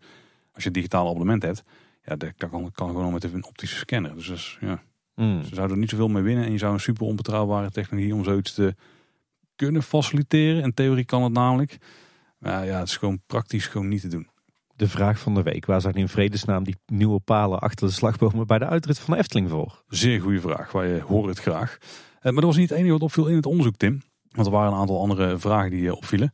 Ze vroegen ons bijvoorbeeld, stel dat wij de directeur van de Efteling zouden zijn, wat zouden we dan anders hebben gedaan, waardoor ons laatste bezoek nog beter was? Nou weet ik dat we het eigenlijk niet over zouden gaan hebben wat we hierop hebben geantwoord. Maar ik ben hier toch wel heel erg benieuwd wat jij hier hebt ingevuld. Ik heb helemaal niks ingevuld hier. Niet? Ik denk het niet beter te weten dan de directeur van Efteling. Nou, dat denk ik wel op punten, maar niet op alle punten. Oh, dat is wel bescheiden. Ik heb hier niks ingevuld, maar ik wou zeggen, we maken hier een podcast over. Als je die gewoon luistert, dan weet je het ook, hè. Ja, dat is zeker waar. Er stelde ook wat vragen over de prijs-kwaliteitverhouding. Dus er zit er wel dik in dat ze daar mogelijk een beetje aan gaan sleutelen. Ook een vraag die wel wat weggeeft is, kun je aangeven hoe ver je geïnteresseerd zou zijn in de volgende mogelijke abonnementsvoordelen? Dus extraatjes bovenop je abonnement. Een digitale fotopas. Hey, Mhm. Die zou er wel voor zijn. Eh, extraatjes zoals een sneak preview bij de nieuwe attracties. Nou, die hebben we al natuurlijk. Hè. Maar daar heb ik al 100% score aangegeven hoor. Ja, die heb ik ook eh, de volle pond gegeven. Eh, Want die moest je ranken volgens mij op een schaal van 1 tot 5 van hoe geïnteresseerd je daarin eh, bent of hoe belangrijk je ze vindt. Ook speciale evenementen zoals bijvoorbeeld de ruilmiddagen voor pins. Nou ja, die ruilmiddagen hoeven van mij niet, maar ik ben wel voor speciale evenementen natuurlijk. Of eens per jaar een exclusief abonnementhoudersouvenir. Nou, je weet wel dat die bij mij natuurlijk hoog heeft gescoord. nee, niet echt. Bij mij ook niet heel erg eh, hoor, moet ik zeggen. nou, maar dit zijn dus dingen waar ze dus wel aan zitten te denken. Buiten die sneak previews, die hadden we al. Maar zo'n digitale fotopas, ja, laat me komen. Speciale evenementen, ja, ben ik misschien iets minder enthousiast over. Want ik zie ze het liefst gewoon evenementen organiseren die speciaal zijn. Maar waar iedereen gewoon zou kunnen komen. Ook als je een ticket koopt. Hoeft niet per se exclusief te zijn. Daar ben ik mee eens. En zo'n abonnementhoudersouvenir, ik snap het wel. Ook een beetje om het abonnementhouderschap te motiveren. Of van mij niet per se, maar daar zie ik op zich ook nog wel eens iets waar we iets mee zouden kunnen doen. Ja, ik miste hier een heleboel zaken, maar ze stelden ook een beetje de rare vraag. Van stel dat jij jouw eigen Efteling abonnement zou mogen samenstellen. Hoe zou jouw ideale abonnement er dan uitzien? En daar had ik op geantwoord. Dan wil ik 365 dagen per jaar toegang. Ik wil meer korting op souvenirs en horeca. En ik wil een koffieabonnement. En je wil je abonnement voor niks hebben. Nee, ik dat wil best, kan eh, best betalen. En ook nog wel meer dan wat ik nu betaal. Als we 365 dagen per jaar eh, er, eh, erin kunnen. En geen, eh, geen last meer hebben van uitkopen. En ik bedenk me nu, terwijl natuurlijk dat onderzoek al lang verstuurd is. Ja, had ik natuurlijk ook moeten invullen dat we weer naar meer andere parken willen. Voor niks. Ja, en zo'n digitaal fotopas eh, vind ik ook wel echt een toffe toevoeging. Als dit nog bij zou kunnen zitten. Ja, minder urgent. Dan heb ik liever mijn koffieabonnement. Prioriteiten van een ambtenaar, dat is wel duidelijk. en ook nog een inkijkje in mogelijke wijzigingen in de, in de type abonnementen. Want een interessante vraag was, en die stel ze eigenlijk op twee vlakken. Ten eerste, heb je interesse in zo'n type abonnement? En een andere vraag was, wat zou zo'n abonnement waard zijn ten opzichte van je huidige abonnementprijs? En het ging dan over eh, verschillende abonnementsvormen. Abonnementen voor alle dagen van het jaar. Dus waar- waarmee echt gewoon 365 dagen per jaar erin zou kunnen. Komt in de buurt van jouw ideale abonnement, Tim. Ehm, dus wat je dat dan meer waard vond dan het, eh, de huidige situatie. En of je er interesse in had. Eh, dan een abonnement voor alle dagen. Op maximaal 14 dagen van het jaar na. Wat dus in principe de huidige situatie is. Een abonnement voor dagen buiten de schoolvakanties. Dus alle dagen buiten de schoolvakanties. Ook de weekenddagen. En als laatste abonnement voor een abonnement voor door de weekse dagen buiten de schoolvakanties. Echt gewoon het abonnement voor de locals eh, lijkt mij. En daar is dus eh, die, die eh, financiële vraag bij. En of je erop zit te wachten of niet. Ja, op zich, er werd wel eh, hier en daar geroepen van... eh, god, dit is de eerste keer dat de Efteling wil gaan experimenteren met, eh, met, met abonnementen die, die veel minder vaak geldig zijn dan de abonnementen zoals we die nu kennen. Maar dat is natuurlijk niet helemaal waar, want in de geschiedenis van de Efteling is er zo nu en dan al wel eens een soort van laagseizoen abonnement geweest. Alleen dat was nooit een, een succes. Ik heb zelfs een keer een, volgens mij een hoogseizoen abonnement gehad. Dat echt maar drie of vier maanden geldig was of zo. En wat denk je nog van het aparte winter Efteling abonnement? Tuurlijk, ik had wel, ja, tuurlijk. Ja, wat wat- ik ben wel benieuwd, wat, wat heeft jouw voorkeur Paul? Net, net als eh, bij mij eh, gewoon alle dagen 365 dagen per jaar. Ik ben eigenlijk wel blij met de huidige abonnementsituatie. 365 dagen per jaar, ja, dat voelt wel als een, eh, als een luxe. Maar ik merk dat in de drukke zomerperiode, dat wij, dat, dan mag je in principe toch al naar binnen. Eigenlijk is het zo dat de blokdagen zoals ze nu vallen, is op zich prima. Zou dan iets meer verspreid mogen zijn. Dat er op zijn minst een weekend steeds tussen zit, zeg maar, dat je er wel naartoe zou kunnen. Maar zoals nu is, vind ik het ook prima. Kijk, wij hebben de luxe om ook door de week te kunnen gaan. En dat is een luxe die niet heel veel andere mensen hebben. Dat is waar. Dus dat betreft kan ik best wel prima leven met de huidige situatie. Maar ik kan me voorstellen dat er wel eh, behoefte is aan een 365 dagen per jaar abonnement. Maar dan denk ik dat je ook standaard zo'n fotoabonnementje erbij moet eh, doen. Eh, misschien een standaard parkeerabonnement dat je dan een euro per maand of zo... eh, Juist niet, want we willen abonnementhouders uit de auto hebben. Oh ja, dat is waar. Maar een beetje, Disney heeft het ook. Hè. Hoe meer je naar het park kunt komen, hoe groter de voordeeltjes ook zijn. Je korting is wat groter en zo. Dat soort eh, dingen kan ik me ook wel voorstellen. Gewoon een VIP-abonnement. Ja, daar ging het nu dus niet over. Hè. Nu ging het echt alleen maar puur over hoe vaak mag je naar binnen. en wat zou het je waard zijn. Ik moet zeggen, ik vind zo'n abonnement voor door de weekse dagen buiten de vakanties toch ook wel goed hoor. Zeker als je dat een stuk goedkoper maakt. Zou betekenen dat je het abonnement eh, ook voor mensen met een kleine beurs heel erg aantrekkelijk zou maken. Ja, en vooral die laatste, voor die eh, toegang op doordeweekse dagen buiten de schoolvakanties. Ik zie dit echt wel als een perfect abonnement voor heel veel locals die in principe ja, niet naar de Efteling gaan voor de attracties of zo, maar die daar gewoon komen om te wandelen, om van de horeca gebruik te maken, om gewoon ja, een beetje in die, die sfeer te zijn, zonder dat je in al die attracties moet. Want ik kan me best wel voorstellen dat dit zo'n abonnementje zou zijn, waardoor het bijna meer een soort van stadspark vibe krijgt op Ja. de doordeweekse dagen buiten het hoogseizoen. Ja. Volgens mij heb ik gezegd dat dit me 90 euro minder waard was of zo dan, ons dan het huidige abonnement. Dan voor 110 euro per jaar. Dus dat is nog een tientje per maand kun je dan op doordeweekse Ja. dagen naar binnen. Dat zou echt wel een prima prijs zijn. En ik vraag me ook af, wat houdt ze tegen om eh, die abonnementsvormen te differentiëren? Ik bedoel, het is tegenwoordig toch een redelijk softwarematig in te regelen allemaal. Ja, ja, je krijgt misschien af en toe wel ingewikkelde gesprekken aan de poort. Maar ik, eh, ik zou het wel toejuichen hoor. Dat ze dit soort eh, dingen, al is het maar tijdelijk eens proberen. Ik ben wel heel erg benieuwd naar die oogst eh, die ze hebben opgehaald met eh, die vraag van stel dat jij directeur bent van de Efteling, wat zou je anders doen? Dat Nee. schiet alle kanten op, toch? Ik heb ze daar in ieder geval wat last bespaard. Ja. Heb jij ze wel veel werk gegeven, Tim, met jouw antwoorden? Nou, valt eigenlijk denk ik wel mee. Ik denk, ja, ik kan bij die vraag van eh, wat zou jij doen als je directeur was? Ligt natuurlijk redelijk voor de hand om dan een hele verlanglijst te maken met attracties die je wil, restaurants, evenementen, grote ontwikkelingen. Maar ik heb het eigenlijk kort gehouden. Ik heb gezegd van, breng nou eens die basisvoorzieningen op een eh 9 plus niveau. Dus opgeknapte toiletten, schone toiletten, schone tafeltjes, voldoende bankjes, breed horeca aanbod, punt. Daar valt niet tegen voor een hints antwoord. Nee. Nee, maar ik denk, weet je, de- als je ziet wat ze nu toevoegen aan attracties en restaurants en hoe het er allemaal uitziet en hoe vriendelijk het personeel is, dat is allemaal 9 plus niveau. Maar gewoon die basisvoorzieningen, die, eh, ja, die mogen denk ik eh, hier en daar nog wel eh, een poetsbeurtje hebben, letterlijk en figuurlijk. Dus eh, denk, nou, laten we daar eens een keer de aandacht voor vragen. Maar dat was trouwens ook nog een vraag van wat, wat heb jij het meest gewaardeerd aan, aan je laatste Efteling bezoek? En daar heb ik toch wel een dikke pluim uitgedeeld aan het personeel, wat allemaal zeer vriendelijk en eh, behulpzaam was. Je zou kunnen zeggen dat al het gesleutel aan de samenstelling van die abonnementen, zo dat het onderhoud aan abonnement is. Wat dan meteen een schitterend bruggetje Tim naar het volgende blokje. Nou, je hebt deze aflevering al betere eh, bruggetjes gebouwd op al. Ja, die gaan we niet meer toppen, nee. Maar Tim, het onderhoudsblokje, neem ons eens mee. Wat is er allemaal gebeurd in de afgelopen weken? Ja, nou, laten we dan eerst eens algemeen gaan kijken naar het groen. Want het is natuurlijk mei en dat eh, betekent dat de tuindienst weer echt flink eh, aan de slag is gegaan. Eh, of althans dat we het resultaat daarvan buiten zien. Want alle bollen en al het uitgebloeide voorjaarsgoed is eruit. Uit het park, uit de borders, uit, uit alle plantenbakken en dergelijke. En het eh, zomergoed gaat er nu in. Dus dat betekent dat, eh, dat eigenlijk ja, in de week van opname dat bijna alle borders opnieuw zijn gevuld met eh, verse beplanting. Maar ook dat de, schalen weer het park ingaan met de bloemetjes. Hè. Ik zag vandaag op de Pardoespromenade zelfs ook weer schalen met twee verdiepingen komen. Dat komt, is echt een teken dat het financieel weer hartstikke goed gaat met de Efteling. Maar ook allerlei bakken, manden en potten en kuip met, met allerlei mooie bloemetjes stiemen overal weer in het park. En ook alle exotische planten gaan het park weer in. Dus het, eh, ja, het park fleurt echt weer, eh, weer lekker op. Mooi om te zien. Ja, dan eh, gaan we natuurlijk op ons rondje door het park kijken wat er de afgelopen weken is gebeurd. In Fantasierijk beginnen we dan. En dan zien we dat er eindelijk weer vaandels in de vlaggenmasten hangen aan het begin van de Pardoespromenade. Niet in seizoensthema, maar gewoon weer het rijke thema zoals ze ook ooit bedoeld zijn. En opvallend, eh, je hebt natuurlijk eh, aan de achterkant van Kogeloog heb je een, gevelpartijtje hè, wat aan het Sterrenplein in de Pardoespromenade ligt. Onder meer met die zonnewijzer, maar ook met die, die drie waterspuwers die eh, water in de vijver laten lopen. En die is de afgelopen dagen volledig opnieuw gesausd. Eh, en daarna ook meteen ingeschaduwd. Meestal zit er een paar weken tussen, maar blijkbaar kan het ook gewoon eh, meteen daarna. En in twee of drie dagen tijd is die muur eh, volledig opgeknapt. Echt in recordtempo ging dat.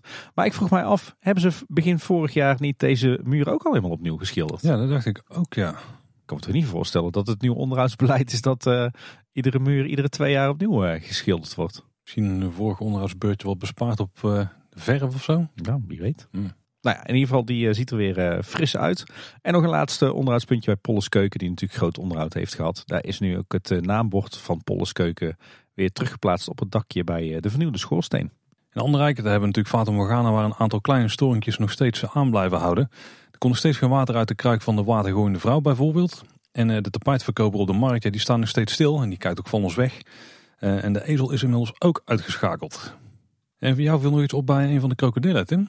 Ja, een beetje een gek, schrapend mechanisch geluid. Alsof er iets mis is met die, eh, die mechaniek van de krokodillen onder water. Dus moeten ze misschien ook maar eens eh, voor de zekerheid even naar kijken.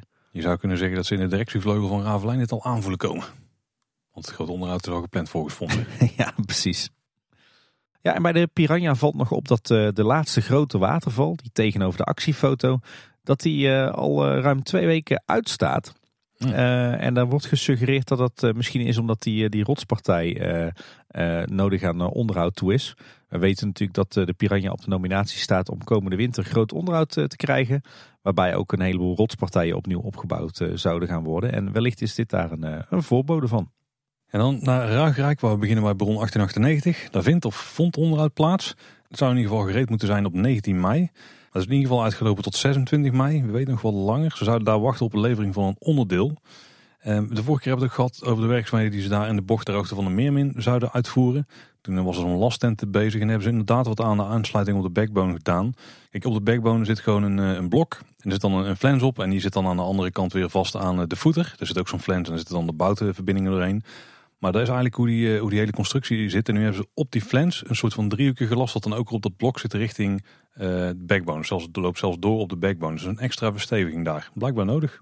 Ja, ik heb wel altijd het idee als je daar, uh, daar langs dat stuk baan loopt richting de Meermin, dat er vrij veel beweging in zit. Dat is een kleine aanpassing, maar tenminste een kleine zichtbare aanpassing. Misschien is er meer gebeurd. Dat is in ieder geval wat ze daar dus hebben gedaan waar het slijpwerk ook voor nodig was. Helaas is het in Ruigrijk verder ook eh, vrij rustig. In ieder geval de afgelopen dagen geweest. Want Joris en de Draak die is eh, bijna een volledige dag onaangekondigd stilgelegd vanwege een retrack op de top van de lift. En in de laatste bocht, daar waren ze bezig met hout. Ik heb al wel weer wat testritjes gezien, maar volgens mij was het maar op een van de twee banen. En ook de halve maan die is weer eh, onaangekondigd dicht, al sinds 10 mei. Volgens Essling zouden er aanhoudende problemen zijn, maar de oorzaak die hebben ze nog niet kunnen geven. De attractie blijft in ieder geval tot uh, na de orde dicht. Ze hebben in ieder geval gemeld dat de halve maan dicht zal blijven tot en met 21 juni stond er al wat onderhoud gepland eh, voor een vier dagen. En die zou dan gereed zijn. Hopelijk kunnen ze tijdens de geplande onderhoud, of hopelijk daarvoor al het probleem oplossen. En de halve maand lag er vorig jaar of twee jaar geleden ook al wat langere tijd uit. Ja. Blijft een zorgenkindje. Ja, daar is uh, toch echt wat, uh, wat goed mis blijkbaar. Hey, en uh, ook onaangekondigd, maar in positieve zin, is dat er deze week groot onderhoud is gestart aan het kinderspoor, de traptreintjes in ieder geval door de weeks. Ik hoorde wat verhalen dat uh, het, uh, het, kinderspoor in het weekend weer open zou zijn. Maar mogelijk gaat het daarna weer een paar uh, door de weekse dagen dicht om verder te gaan met het onderhoud. Er gebeurt daar ontzettend veel. Het stationsgebouw De Blauwe Reiger staat in de hekken voor een flinke schilderbeurt. zo is het, het houtwerk op de kopse kanten van het station volledig vernieuwd. In ieder geval is er helemaal afgeweest en nu weer opnieuw aangebracht. Er zijn ook nieuwe boeiboordjes aangebracht op het dak en allemaal weer strak in de lak. Eh, de klok hebben ze verwijderd uit het eh, torentje in het eh, station. De gevels zijn opnieuw gesausd. De wachtrijhekjes hebben een nieuw likje verf gekregen. En ook verderop in het parcours de brugleuningen. Verder vinden we natuurlijk nog een molentje in het parcours. Daar zijn de wieken van verwijderd. Mogelijk ook voor een, een vervanging of een schilderbeurtje. En het meest opvallende is dat er een stuk spoor is verwijderd. Of eigenlijk twee stukken spoor. Vrijwel direct na het station op de Houten Brug. En het lijkt erop dat er op zich niks meer mis was met het spoor, maar dat ze daar wat van die uh, vlonderplanken uit uh, de brug moeten vervangen, die dan uh, wellicht rot zijn geweest. Dus ja, toch stiekem een, een flinke onderhoudsbeurt voor het kinderspoor. Ik dacht dat ze daar twee jaar geleden ook al best wel veel hadden gedaan. Maar... Ja, ook al aardig wat schilderwerk en zo. De lat, de lat ligt heel hoog tegenwoordig qua onderhoudsniveau blijkbaar. En dan door naar het Ruisrijk. Ja, maar uh, één klein puntje daar. Daar valt op dat uh, de kop van de draak in de China-scène in Carnaval Festival al lange tijd stilstaat. Nou, Marijk is in ieder geval eh, een stuk drukker. Hè? Daar zijn ze onder andere bezig bij het poffertje. Er zijn een nieuwe kozijnen in de dak allemaal aangebracht. Die zijn netjes afgelakt in de originele kleuren die we al kenden. Daar het donkerrood en het uh, wat oranje, diep oranje-geel zeg maar. De nieuwe bereidingsruimte die krijgt aan de voorzijde weer openslaande deuren. Dat is dus een stukje wat een stukje groter is geworden. Jij bedoelde trouwens het, het Efteling Hotel oranje waarschijnlijk. Oh, van het dak bedoel je? Ja. Nee, nee, die bedoel ik niet. Die bedoel, die bedoel ik niet. Nee, dat is gewoon echt primair oranje. Dat is geen primaire kleur, maar je snapt wat ik De zijkanten van het gebouwtje, daar zit een nieuwe betimmering op. Of die oude is teruggeplaatst. Dus in ieder geval, eh, het ziet er strak uit, want het is netjes afgelakt. Ja, en iets, iets uh, aparts. Aan de, de voorzijde van die nieuwe uitbouw hebben ze twee uh, ronde hoeken gemaakt. Eén zou verwachten dat ze dat ook netjes met, met hout, met buigtriplex of zo dichtmaken. Ja. Maar die ronde hoeken hebben ze nou dichtgemaakt met, met wat gebogen RVS plaatwerk. Dus ik ben benieuwd hoe ze dat gaan, gaan afwerken. Of dat wordt geschilderd of stickerfolie erop. Ja, stickerfolie. En de uitbreiding van het terras waarbij het hele terras dus een stuk naar voren komt. Daar is het eh, beton allemaal voor klaar. Er is ook een, eh, een staalconstructie geplaatst op het dak. Er zal een nieuw thematisch front opkomen, verwachten wij. En daar gaat ook de afzuiginstallatie, die eh, vervangen wordt, door verborgen worden. Ja, en binnen zijn ze ook een heel eind op dreef. Daar was de, de bereidingsruimte van het restaurant afgescheiden met een, een tijdelijke wand. Een stofschot noemen we dat ook wel in vakjargon. Ja. die is er weer uit. Waarschijnlijk omdat de meest smerige werkzaamheden wel zijn afgerond. En ze zijn er nu druk bezig met het plaatsen van nieuwe keukenapparatuur. Waaronder een nieuwe poffertjesbakplaat. Ja, dan het Carouselpaleis natuurlijk ook een van de andere grote projecten die er daar op dit moment loopt. Maar dit is wel echt helemaal jouw ding, Tim. Dus kun jij ons een beetje meenemen in wat daar allemaal gebeurt? Ja, hier is veel tijd in gaan zitten in de voorbereiding van deze nieuwsaflevering. Uh, ja, ze zijn natuurlijk druk bezig met het groot onderhoud aan uh, de façade, hè, zeg maar de, de thematische houten gevel voor het gebouw. Ze hebben nog wat oude spullen weggehaald. Het hele front boven de entree uh, van de, de stoomcarousel en de, de, koepel waar je daar tegenaan keek als je daar om doorliep, die zijn nu volledig verwijderd. Ik ben benieuwd of ze nou ook die, eh, die LED-verlichting die eh, defect is gaan vervangen. Dat weet je nog wel, daar hebben we het vaak, vaak zat over gehad. Er zitten natuurlijk allemaal tussen aanhalingstekens gloeilampjes in. Mhm. Alleen die in die, die koepel en ook op andere plekken, uh, die knipperden steeds vaker en uiteindelijk viel het allemaal uit. Dus laten we hopen dat ze hier die nieuwe generatie LED-lampen gaan toepassen die we ook kennen van de kleine en de grote zweef. Nou, dan hebben we het eigenlijk wel gehad met uh, oude spullen die zijn weggehaald. maar er is ook veel teruggekomen de afgelopen weken.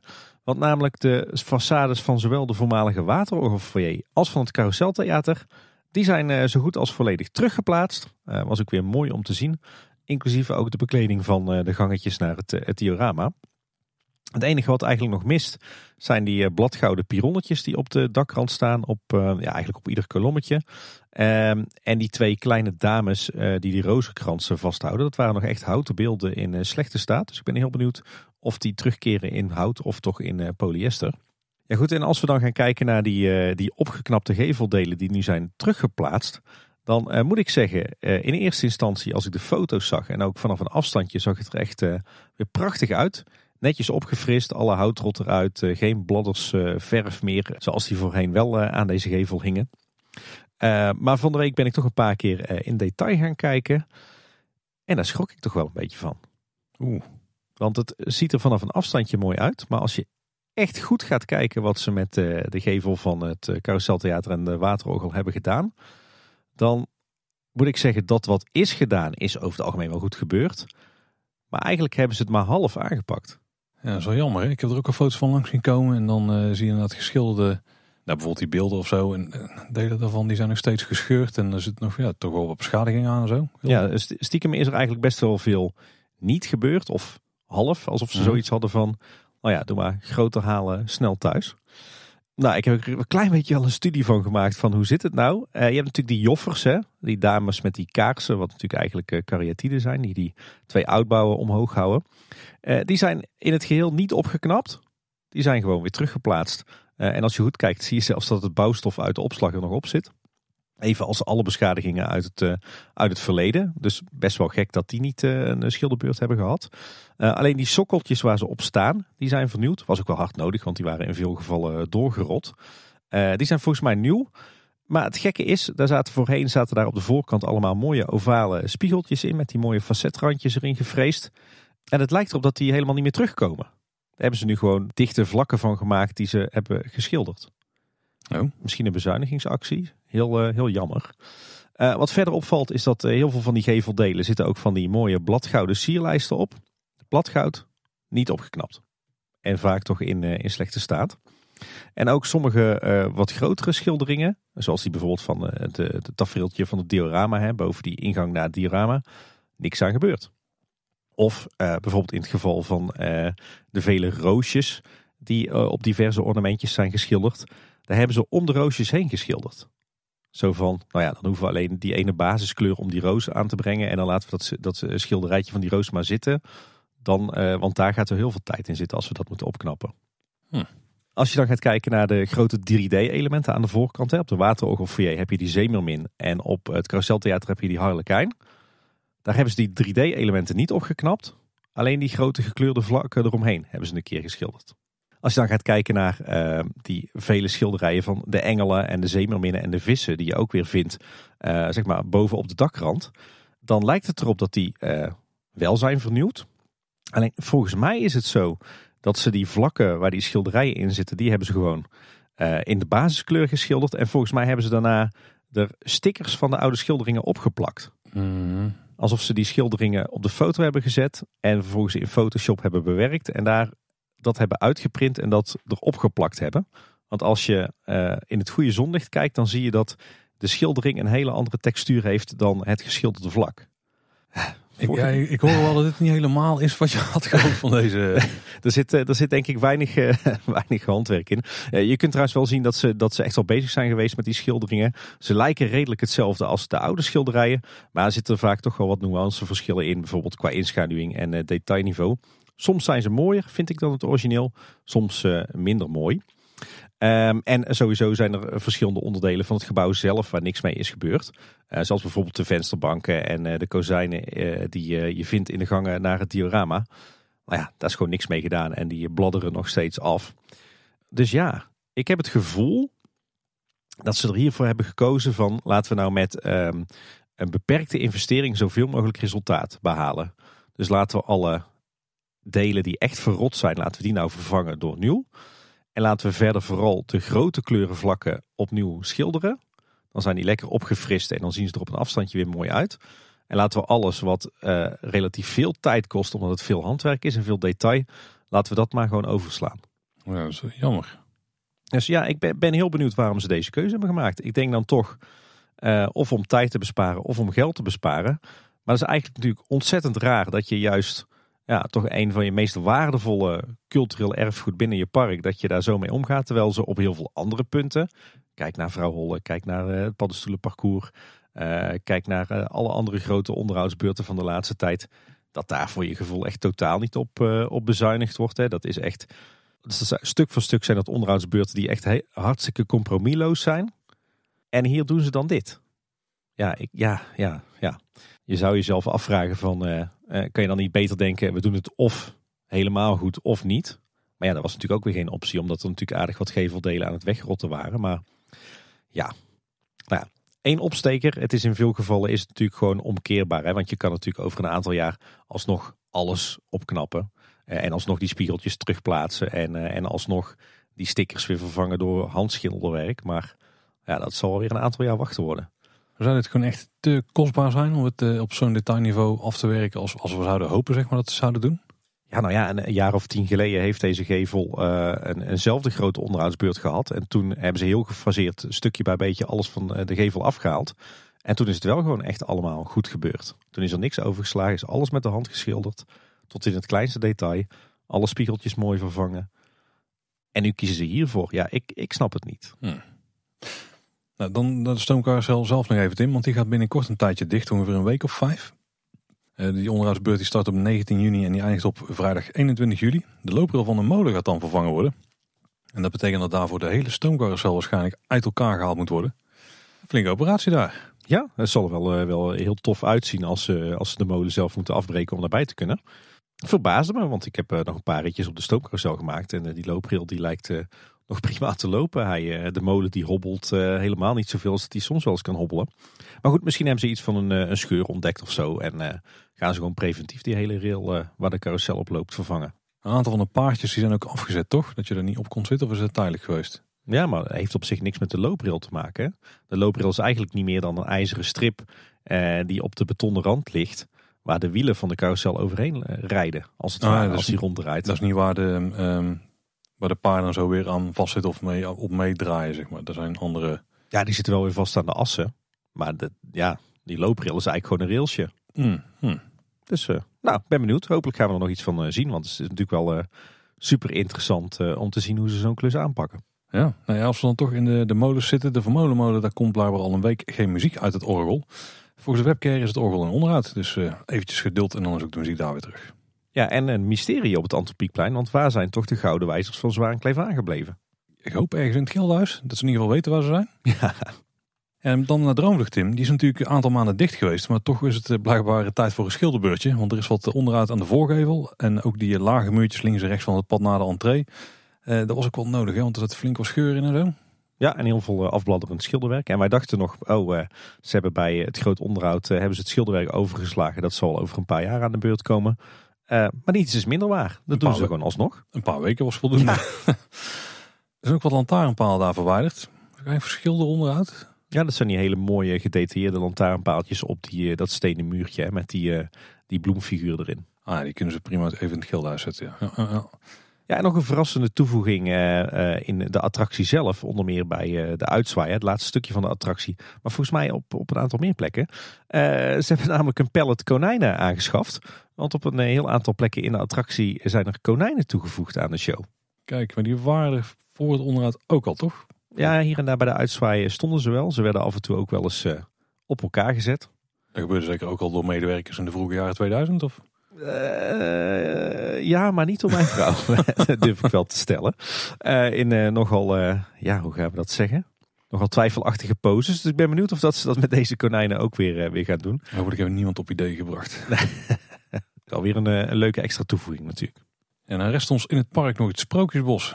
Ja, daar viel me op dat er toch behoorlijke scheuren zijn ontstaan in het, het, muurtje onder de keuken van het kasteel van Doornroosje. Daar, dat kasteel dat lijkt aan alle kanten van de berg af te glijden, langzaam maar zeker. Het kan maar niet anders dan dat hier binnen nu en twee jaar iets groots gaat gebeuren. En daar vlakbij in de buurt, daar gebeurt al iets groots, want de Palstoelengroep die wordt natuurlijk weer in ere hersteld. Metselwerk van de drie steden is inmiddels gereed. Dus gewoon echt ouderwets vakwerk met, bak, met bakstenen. Waar ze dan met stukwerk de vorm van de stelen tegenaan gaan maken zijn ook mooie houten mallen gemaakt, zodat de vorm van eh, de stelen en de bogen erin precies overeenkomt met het origineel. In ieder geval nieuwe schetsen van Karel.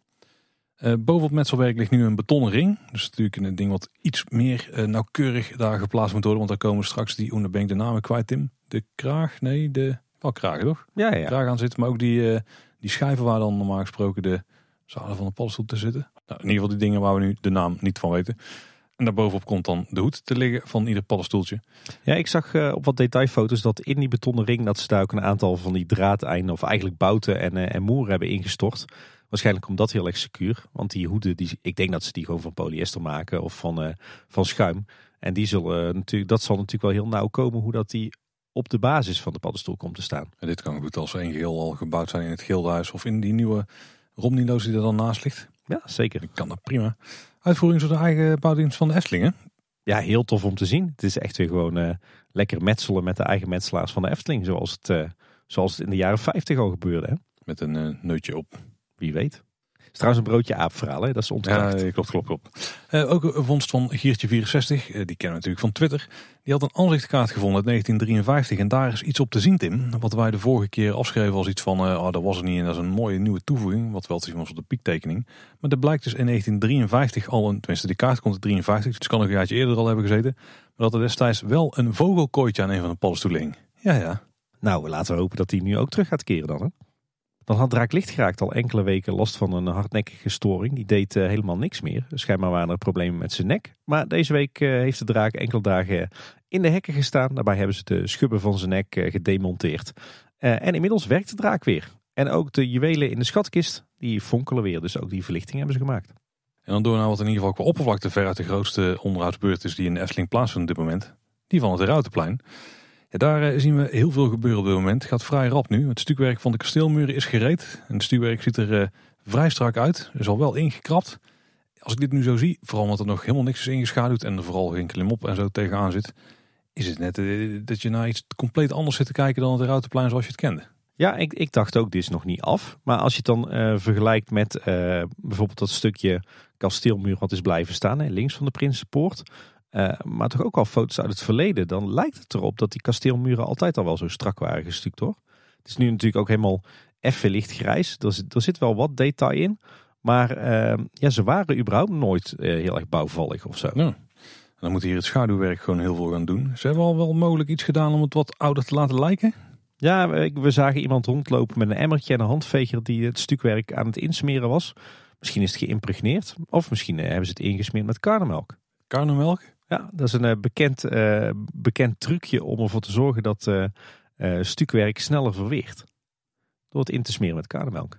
En wat voor plekken passen ze daartoe dan? Bijvoorbeeld in het verleden in de Efteling, maar ook op, op andere plekken waar ze ja, oud stukwerk willen nabootsen. Oké. Okay. Natuurlijk de zuurgraad van die karnemelk. Hè? Ja, wat ook opvalt is dat het stukwerk aan de onderzijde een, een hele grote zwarte rand heeft zitten. Maar dat is ook van die waterdichte zwarte coating hè? Ja, die we natuurlijk ook zagen op de buitenwanden van het Efteling Grand Hotel. Hè? Waarschijnlijk om het uh, ja, waterdicht te maken, zodat er geen optrekkend vocht vanuit de bodem in het stukwerk zijpelt. Wat natuurlijk in de winter dan weer eraf vriest. Alles om onderhoud en schade te voorkomen. Dan uh, schrok ik wel, want er is een uh, flink deel van de Kikkerkoning fontein gesloopt. Of eigenlijk dat, uh, dat betonnen vloertje wat, wat in het midden ligt, hè, waar we de fontein vinden.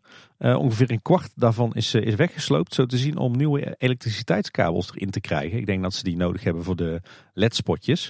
Ik ben heel erg benieuwd hoe ze dit ooit weer netjes dicht krijgen en ook waterdicht. Want ja, het was best wel heftig om te zien. Er zijn nieuwe grashoden aangebracht in die plantsoenen rondom, uh, die rondom het fontein van de Kikkerkoning liggen. En er zijn ook al eh, hagen aangeplant in diezelfde plantsoenen. Ja, ook hier eh, gaan we zoetjes aan richting een, een oplevering, denk ik. En daar, vlakbij zijn ze ook bezig met de nieuwe dienstpoort. Die ligt naast Assenpoester, links van de ingang daar. Die is inmiddels gestuukt, ziet er goed uit. Helemaal een stijl van het landhuis, ook met bijpassende scheuren. Het lijkt nog wel wat lantaarns of andere thematische elementen bovenop te komen. Misschien dat hier wel meer pompoenen komen. Ja, wie weet. Ik hoop gewoon op lamp eigenlijk, maar... Nou, het zijn van die, die RVS-pinnen, dus het is bijna dat ze daar iets overheen schuiven. Hmm. Dan zou ik mijn geld toch op een pompoen inzetten. Denk het ook. Uh, Geen echte trouwens, hè? Nee, nee, nee. Zoals ook wel meer plekken daar liggen. ja. Dan viel mij bij de Indische waterlelies nog op dat uh, er volgens mij wat begroeiing is verdwenen bij uh, de zingende ganzen. Want die techniek, wat volgens mij nog een echte Peter Reiners techniek is, die is nu vol in beeld. Heel tof voor ons als liefhebbers natuurlijk, maar lijkt me niet de bedoeling. Een brepelsteeltje komt voor het eerst sinds lange tijd weer rook uit het schoorsteentje. Daar lijkt wat gefixt te zijn. Of iemand heeft de aanknop weer gevonden. En het meisje met de zwavelstokjes iets verderop is ook weer een onderhoud. Ja, dat gebeurt de laatste tijd uh, al vaker. Overigens geen overbodige luxe. Ik ben er een paar dagen geleden nog in geweest. En toen viel me op dat uh, de verlichting uh, in de hoofdshow echt volledig over de emmer was. Want zo'n beetje alle verlichting achter venstertjes die knipperde tijdens de show. Een beetje alsof je ja, ledverlichting probeert te dimmen, maar dat werkt dan niet goed. Weet je wel, je hebt van die bepaalde generatie ledverlichting.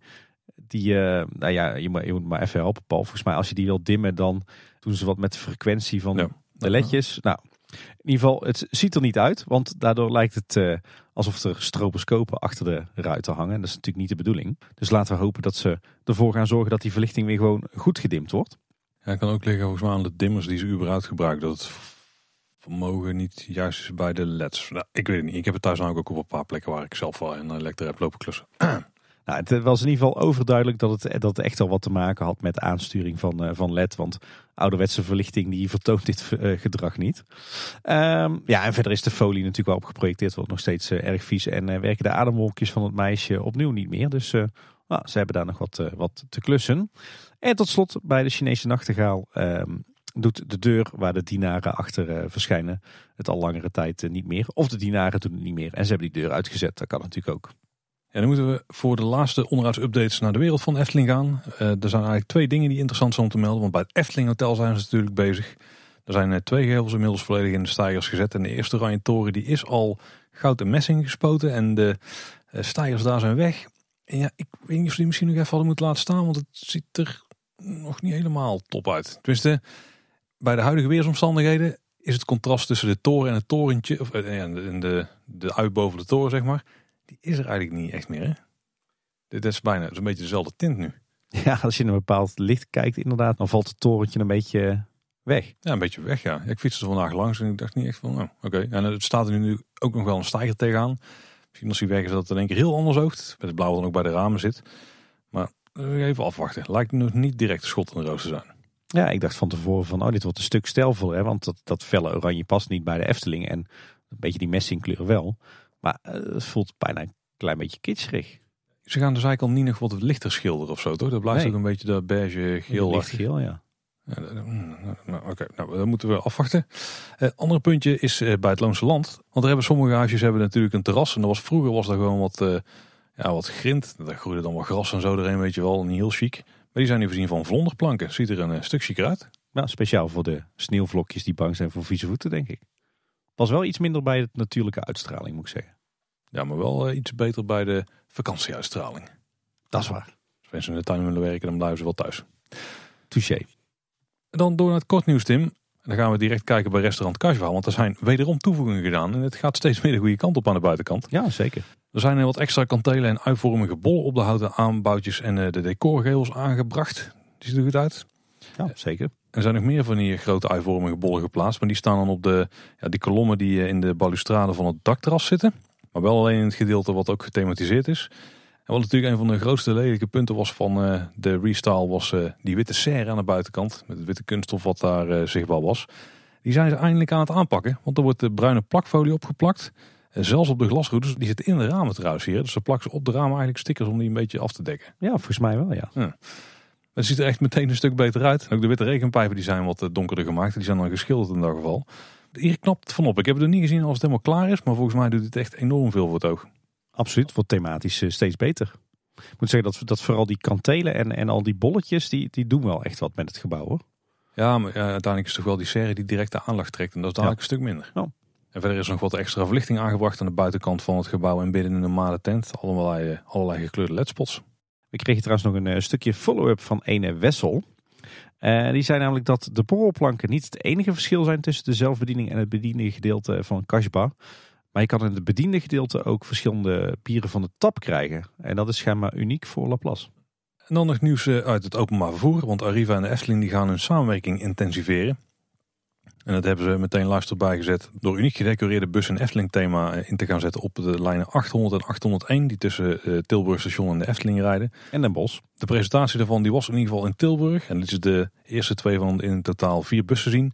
En die hadden dan thema's Sprookjesbos en Joris en de Draak. En die Sprookjesbos-bestikkering die kwam redelijk bekend voor. Het is volgens mij niet exact hetzelfde. Maar ken je nog die achterwand die in de tentoonstelling van de Efteling was in het Noord-Brabants Museum? Ja, zeker. Daar had dit wel, uh, wel redelijk veel van weg. Dus de sprookjesfiguur in een meer natuurlijke omgeving, zeg maar. Ja, dat zag er eh, heel vrij uit, moet ik zeggen. Ja, vorige week maandag was daar eh, de feestelijke eerste rit van. En wil je er nou alles van meekrijgen, dan kun je denk ik het beste de video kijken die Eftel Wesley heeft gemaakt, uiteraard, van de eerste rit. Uh, daar zie je de bus in.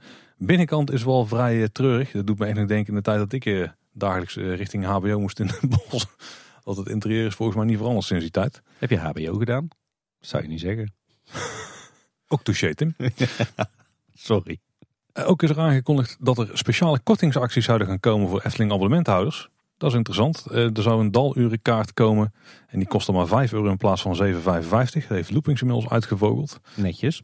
En Efteling die zegt zelf, ja, de bereikbaarheid van de Efteling is voor bezoekers en medewerkers een belangrijk aandachtspunt.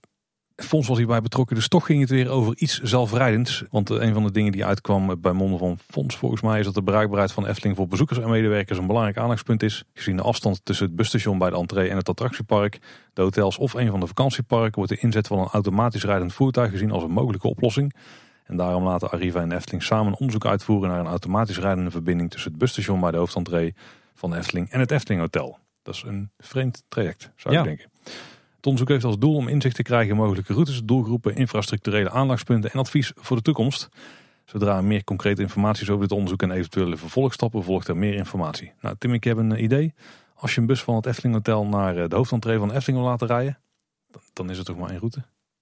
Of gaan ze ze ook helemaal via de Horst laten rijden, de paal plat gooien, aan de andere kant van het parkeerterrein. Je moet gewoon over de Europalaan heen en weer rijden dan. Ja. dus de, ons- dat stukje van het onderzoek, dat kan ik zo vast wel, eh, wel geven Ja, bij deze. precies.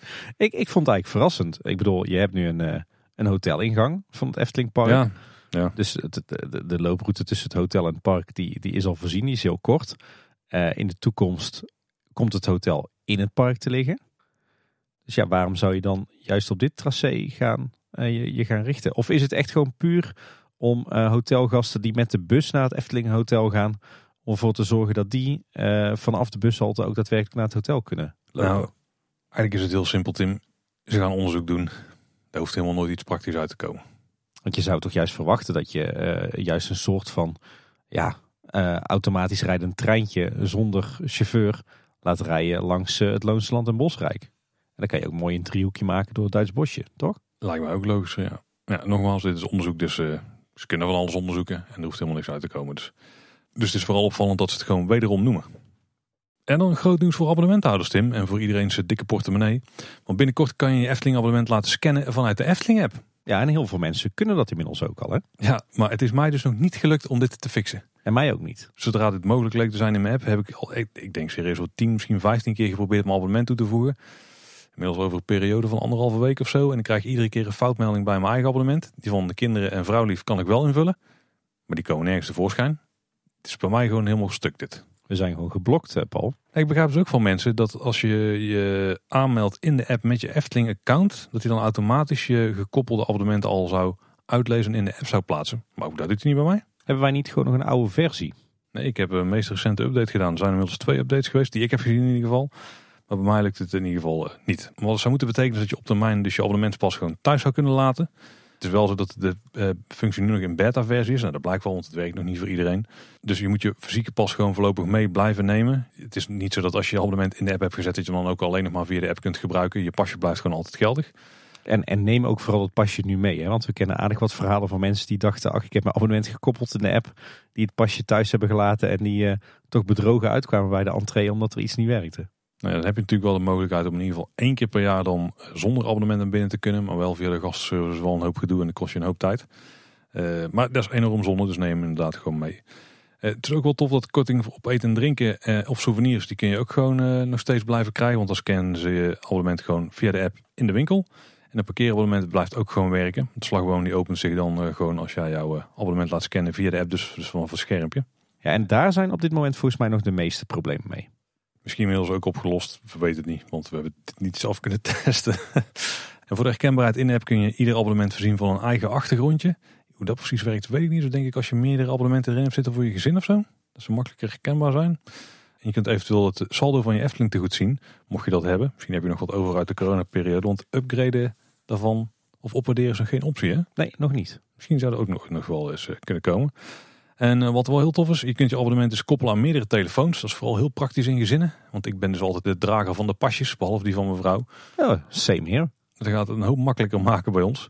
En wat extraatje op het abonnement kun je ook direct zien. Want er staan losse icoontjes op als je bijvoorbeeld een gast met een beperking bent. Of als je een parkeerabonnement hebt.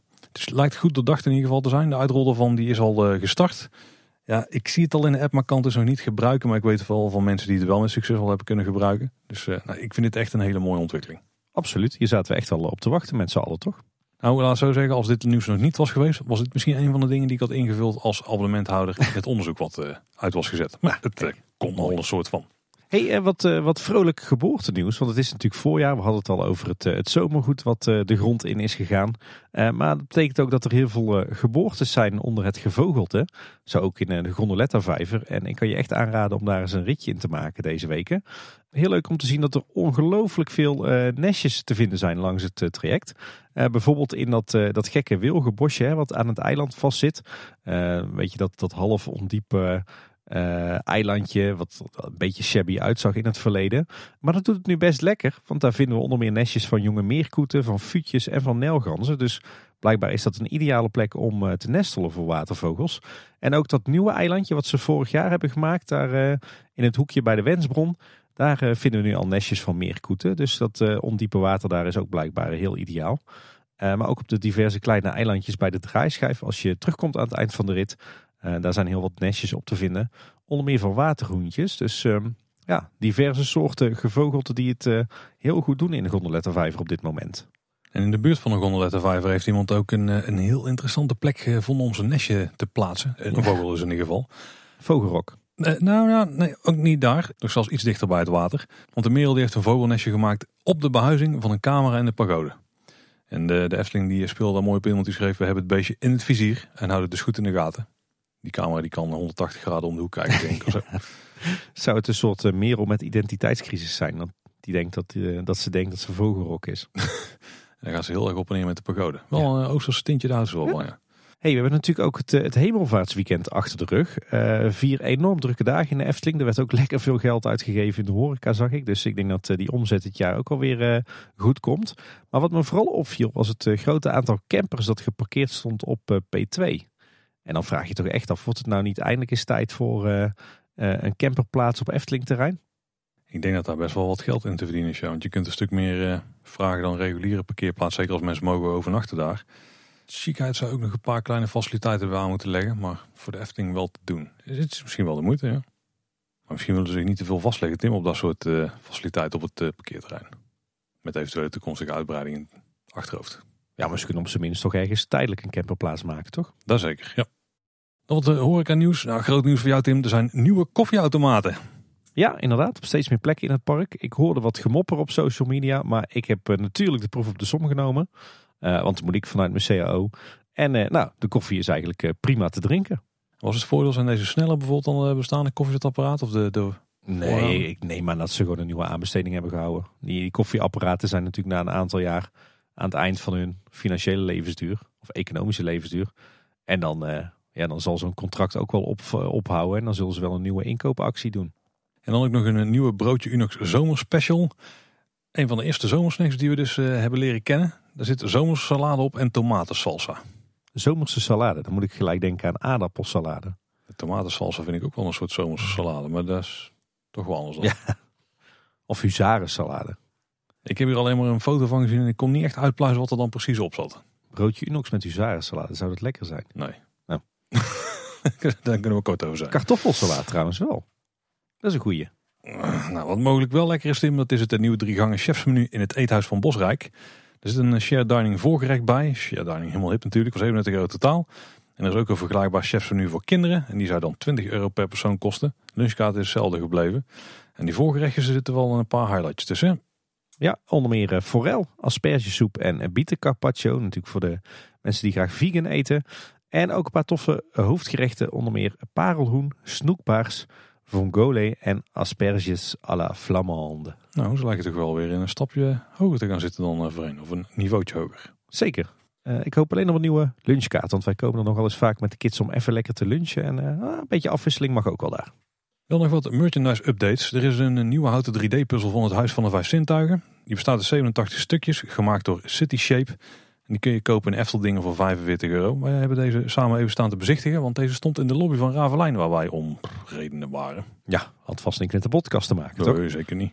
Overigens, dat City Shape, dat is diezelfde club die ook achter dat uh, prachtige silhouet van uh, hout zit, hè, van de Efteling. Ja, die diezelfde die skyline. Het had ook wel diezelfde, zeg maar, een beetje gebrande randen. En dan verder strak uh, mooi hout gelamineerd. Ik vond het er best wel tof uitzien, hoor. Ja, volgens mij is het gewoon een dun houten plaatje wat, wat ze uitlezen. Hè? Ja, ja, zeker, zeker. Er is ook nieuw Efteling Blond Amsterdam servies met drie verschillende thema's. Symbolica, Assepoester en Hans en Grietje. En er is ook een nieuwe bonbonpot. Dus voor alle Blond Amsterdam liefhebbers gaat dit scoren. En je kunt het allemaal checken via het Efteling blog. Als je het graag wil zien van tevoren. Heb jij al een setje, Paul? Dit is niet aan mij besteed. Nee. Wat wel denk ik aan ons allebei besteed is, is dat er voortaan zelfscankassa's in de Efteldingen zijn. Dat is zeker handig, ja. Ik vermoed dat we die misschien binnenkort wel op andere plekken ook gaan zien. Denk het ook. Ik moet zeggen dat ik er uh, normaal gesproken wel fan van ben. In de Efteling mis je misschien een klein beetje het persoonlijk contact met een medewerker. Maar aan de andere kant, we raken allemaal zo gewend aan zelfscankassa's dat het uh, ook wel een soort service is die erbij hoort, toch? Misschien veel in- en uitgang in de Efteldingen. Twee dan, maar wel een hele brede. Ze zullen het vast als een soort van test doen en kijken hoe het gaat bevallen. Dan uh, opvallend, er kwamen recente drie pins uit. Die in die geometric line die we de vorige keer hebben besproken. Maar die blijken dus geen onderdeel uit te maken van uh, de Efteling pinparade. Die hebben ook helemaal geen serienummer of zo. Dus als je pinverzameling hebt, deze hoef je dus niet per se te hebben. Best apart toch? dat je dus een, een lijn uitbrengt binnen hetzelfde bedrijf. En dat je zegt, ja dat, dat, is, dat is extern. ja, maar dat is wel denk ik hoe dit is gegaan. Het voelde echt als van we hebben designs gemaakt. En we hebben gewoon op de bestellijst allerlei verschillende items aangevinkt. En pins zaten daar toevallig tussen. Daardoor is het er helemaal buitenom gegaan, gok ik. Dat denk ik ook, ja. ja. Dan een wat entertainment updates. Uh, de show van Aquanura waar we het de vorige keer over hadden. Dus die, die ochtendshow die wij dachten dat die weer uh, soms terug was. Blijkt een foutje te zijn. Want uh, er hoort eigenlijk helemaal geen ochtendshow te spelen. Maar ze zijn wat tests aan het doen met Aquanura. Maar als die dan in de ochtend moeten plaatsvinden. Ja, dan doen ze dat dus door de ochtendshow voor een deel of helemaal te draaien. Eigenlijk hoor je dit als gast dus helemaal niet te zien. Jammer. Hey, uh, verrassend nieuws, want vanaf vandaag draait er al een tweede poppenkastvoorstelling in de poppenkast aan het Antropiekplein. En die draait helemaal rond de tas van Bets, die we natuurlijk kennen van Toon en Bets, de figuren uit het verhaal achter het Efteling Museum. En schijnbaar wisselt het af met het, het verhaal van het ballonnenvrouwtje. met voorlopig één nieuwe show per dag met die tas van Bets. En de rest van de tijd ballonnetjes, ballonnetjes. Je kan het goed, Tim. Ja. Goede imitatie, ja. Hadden wij het toch bij het rechte eind. Mooie ballonnetjes. Sinds 8 mei, Tim, draaiden maar liefst twee sprookjesboomshows. Die wisselen elkaar af in het Sprookjesbostheater. En uh, Loopings heeft het even allemaal uitgezocht. De eerste voorstelling die gaat over Wolf, die een oneerlijk plannetje heeft bedacht om aan eten te komen. En als roodkapje een grens wil oversteken om naar grootmoeder te gaan, moet ze betalen met taart. Hey. Ook de ezel en de fakir spelen daar een rol. En uh, die tweede show, dat is inderdaad een hergebruik uit 2013, die we de vorige keer aanhaalden. Uh, ontdekken Wolf en Heks dat ze niet naar het bal van Assepoester mogen komen. Maar als Wolf toch wordt uitgenodigd dankzij een list, zint de heks op wraak. Ja, die voorstelling heb ik laatst voor het eerst gezien en ik heb echt krom gelegen van het lachen. Sowieso gewoon een hele leuke show. Maar die acteurs hebben echt een groot improviserend talent. eh, en ook de interactie met elkaar en interactie met het publiek. Echt hilarisch. Ik kan er echt van genieten. Ja, moet je meer Sprookjesboom zien? Dat kan, want de Sprookjesboom musical, een gigantisch avontuur, die gaat op tournee. Vanaf december dit jaar tot met 15 juni volgend jaar kun je in theaters in Nederland en Vlaanderen zien. Het duur zal 75 minuten zijn en als je nou alle speellocaties en data wilt checken, dan heeft de Efteling die eh, mooi opgezomd op hun website. Linkje vind je uiteraard in de show notes. En eh, wat echt een heel tof mooi nieuwtje was, Tim. En ik weet niet hoe breed dit nou gedragen is op dit moment binnen de Efteling eh, acteurs die, die er zijn. Maar sommige daarvan die kunnen ook gebarentaal. En heeft de Efteling ook reclame voor gemaakt. Op onder andere Instagram met een heel tof filmpje waarbij Roodkapje via gebarentaal met een doof meisje praat. Ja, dat was wel even een vochtig oogjesmoment. Hey, eh, tof nieuws voor eh, onze vriend en collega Bart Baan. We kennen hem natuurlijk allemaal als eh, een van de meest populaire YouTubers in de Efteling fanzine. Hij start namelijk op 30 mei met een nieuwe YouTube-serie in samenwerking met de Efteling. En die serie heeft de naam Bart Bijbaan. En daarin loopt hij in iedere aflevering een dagje mee met een medewerker van de Efteling. En hij laat dan zien hoe een werkdag bij de Efteling er precies uitziet en wat je kan verwachten als je bij de Efteling gaat werken. Vanaf 30 mei dus iedere maand één aflevering. En ik denk eh, een hele slimme samenwerking tussen Bart en de Efteling. Want ja, eh, je bereikt daarmee volgens mij een perfecte doelgroep voor eh, een bijbaan bij de Efteling.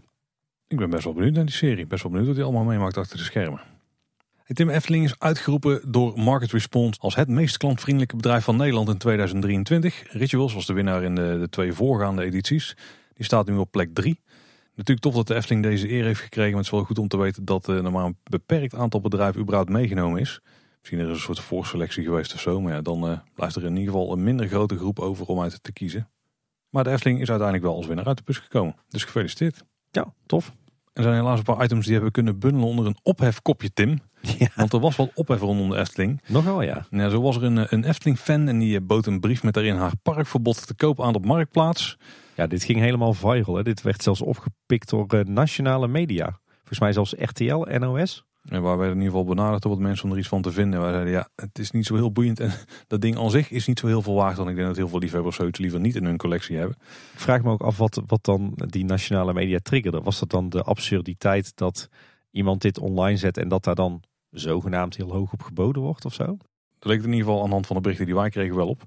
Eh, nou, het ging in ieder geval om een dame zoals Loopings wist te achterhalen. Die blijkbaar in februari in verschillende fonteinen in de Efteling afvalsmiddel heeft gegooid. Waardoor er flink wat eh, ging schuimen.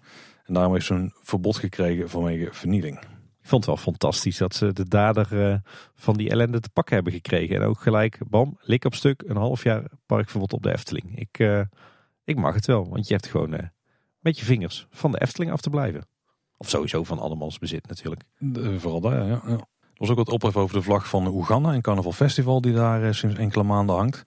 Het land heeft namelijk een doodstraf ingevoerd voor eh, homoseksualiteit. Nou, daar gaat het natuurlijk helemaal nergens over. De Efteling als reactie het uitbeelden van de landen en het plaatsen van een vlag betekent natuurlijk niet dat we achter de wetten en ideeën van dit land staan. Er zijn natuurlijk wel meer dubieuze landen misschien die terugkomen op verschillende plekken. China is nou niet echt een land wat de beste politiek op nahoudt bijvoorbeeld. Ik vind het moeilijk. De Efteling niet pro ja, maakt zich hier natuurlijk. Nou, laat ik het zo zeggen. Ik, ik ben blij dat de Efteling gewoon zelf zegt dat ze absoluut niet achter eh, de wetten en ideeën van dit land staan. Eh, heel fijn dat ze dat gewoon zo duidelijk stellen. Ik vind het wel tricky hoor. Je moet je die vlag wel of niet eh, weghalen. Als ik in de directie van de Efteling had gezeten, had ik de vlag denk ik wel weggehaald. Ja, weet je, je moet je gewoon als, eh, als park. eh, wat volgens mij ontzettend toegankelijk en gastvrij is voor, eh, voor iedereen uit de LHBT-community. Zowel qua personeel als qua fans als qua bezoekers. Moet je je gewoon op geen enkele manier eh, willen associëren met, eh, met zo'n regime. Eh, en ondanks dat je wel aangeeft dat je het niet eens bent met dat beleid, denk ik dat je ook niet de schijn tegen moet willen hebben. Dus ik zou gewoon stilzwijgend die, die vlag weghalen en ook geen andere Afrikaanse vlag daar neerzetten. Ja, ik zou dat statement wel, wel durven maken, denk ik.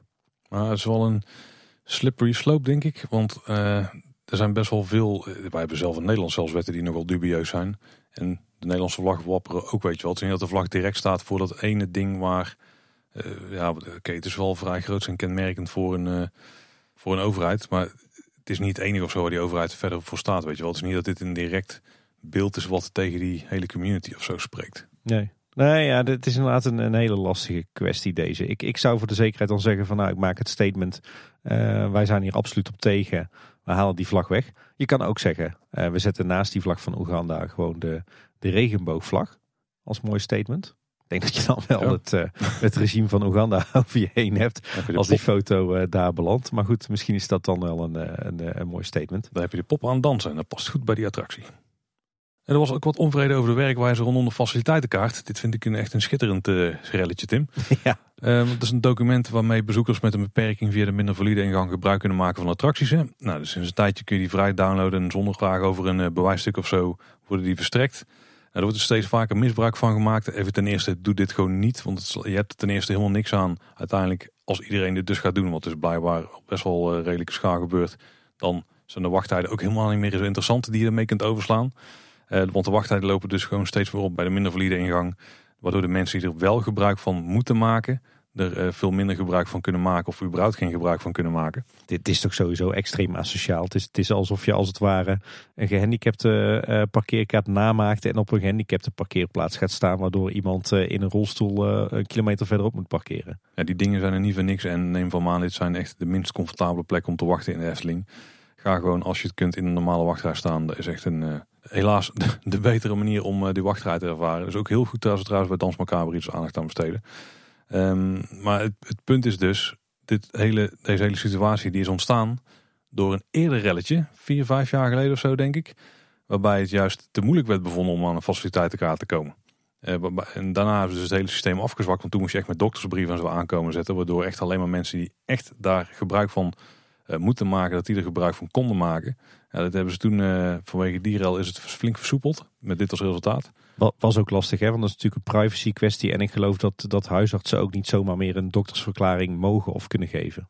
Uh, daarom is het hele, deze hele situatie gewoon uh, ja, lastig. Dat is, eigenlijk het hele punt. Maar Dessling die heeft intern er overleg over gehad.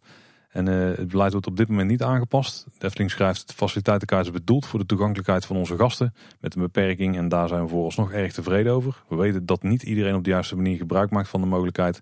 En dat heeft de aandacht. Fraude komt wel voor, maar niet vaak. Het opnieuw vragen om een doktersverklaring is nu niet aan de orde. We willen dus eigenlijk de oude situatie, zeg maar, die toen een eh, probleem was. We willen gasten met een beperking zo min mogelijk belasten. We weten uit ervaring dat zij de huidige manier prettig vinden. Het aanvragen van een doktersverklaring kan namelijk heel ingewikkeld zijn. Wat jij net al zei. Nou, een heel mooi invoelend antwoord van de Efteling toch hier? Ja. Ja, dan uh, weer over de fietsenstalling, Tim. Helaas moet hij ook regelmatig aanhalen. Er zijn weer wat fietsen gestolen daar. Maar we hebben inmiddels wel geleerd dat de camera zo snel mogelijk weer wordt teruggeplaatst. Ook raar dat die is verdwenen daar, hè? Ja, maar goed dat hij in ieder geval terugkomt, kan niet snel genoeg gebeuren. En zet daar gewoon een, uh, een medewerker neer, toch? Ja, ja. Hey Tim, ons optreden in het eh, museum is uh, ten einde. Efteling, de tentoonstelling in het Brabants Museum, die is afgelopen. Zondag 21 mei was het laatste openingsdag. Het was een expositie waar het museum nogal hoge verwachtingen van had. Maar uh, die uh, populariteit die bleek nog veel hoger te liggen. De verwachtingen waren flink overtroffen. Er kwamen in totaal 88.000 bezoekers op af. En dat is voor het museum echt een unicum volgens mij. De woordvoerder die zei, de meeste weekenden waren uitverkocht. Het gold ook voor de feestdagen, de eerste uren na opening en de eerste uren na de lunch. Maar liefst 90% van de bezoekers gaf aan vooral voor de Efteling te komen. En deze expositie smaakt zeker naar meer. Nou, kom maar op. En ik begreep ook dat er uh, meer dan ooit kinderen naar het museum zijn gekomen. Ja, wat niet eens echt een, doel, een doelgroep was hier. Overigens is het zo dat uh, heel veel van de objecten alweer terug zijn bij de Efteling. Want toen wij om onduidelijke redenen weer in Ravelijn waren... toen zagen we al dat uh, de Baron-maquette weer terug stond op de plek in de lobby. Lijkt me echt een pak voor mijn hart als ik archivaris zou zijn met de Efteling... en al die stukken liggen weer netjes in de la waar ze horen. Ja, maar eerst tussen de regels door lees ik wel... dat ze misschien toch een keer weer afgestoft moeten worden en weer terug mogen. Nou, misschien andere stukken dan. Ja, ja, ja. Doe dan maar, nog beter. Hey, uh, Koen Bertens, wie kent hem nog? Natuurlijk de, de voormalige uh, operationeel directeur van de Efteling, zal ik maar zeggen.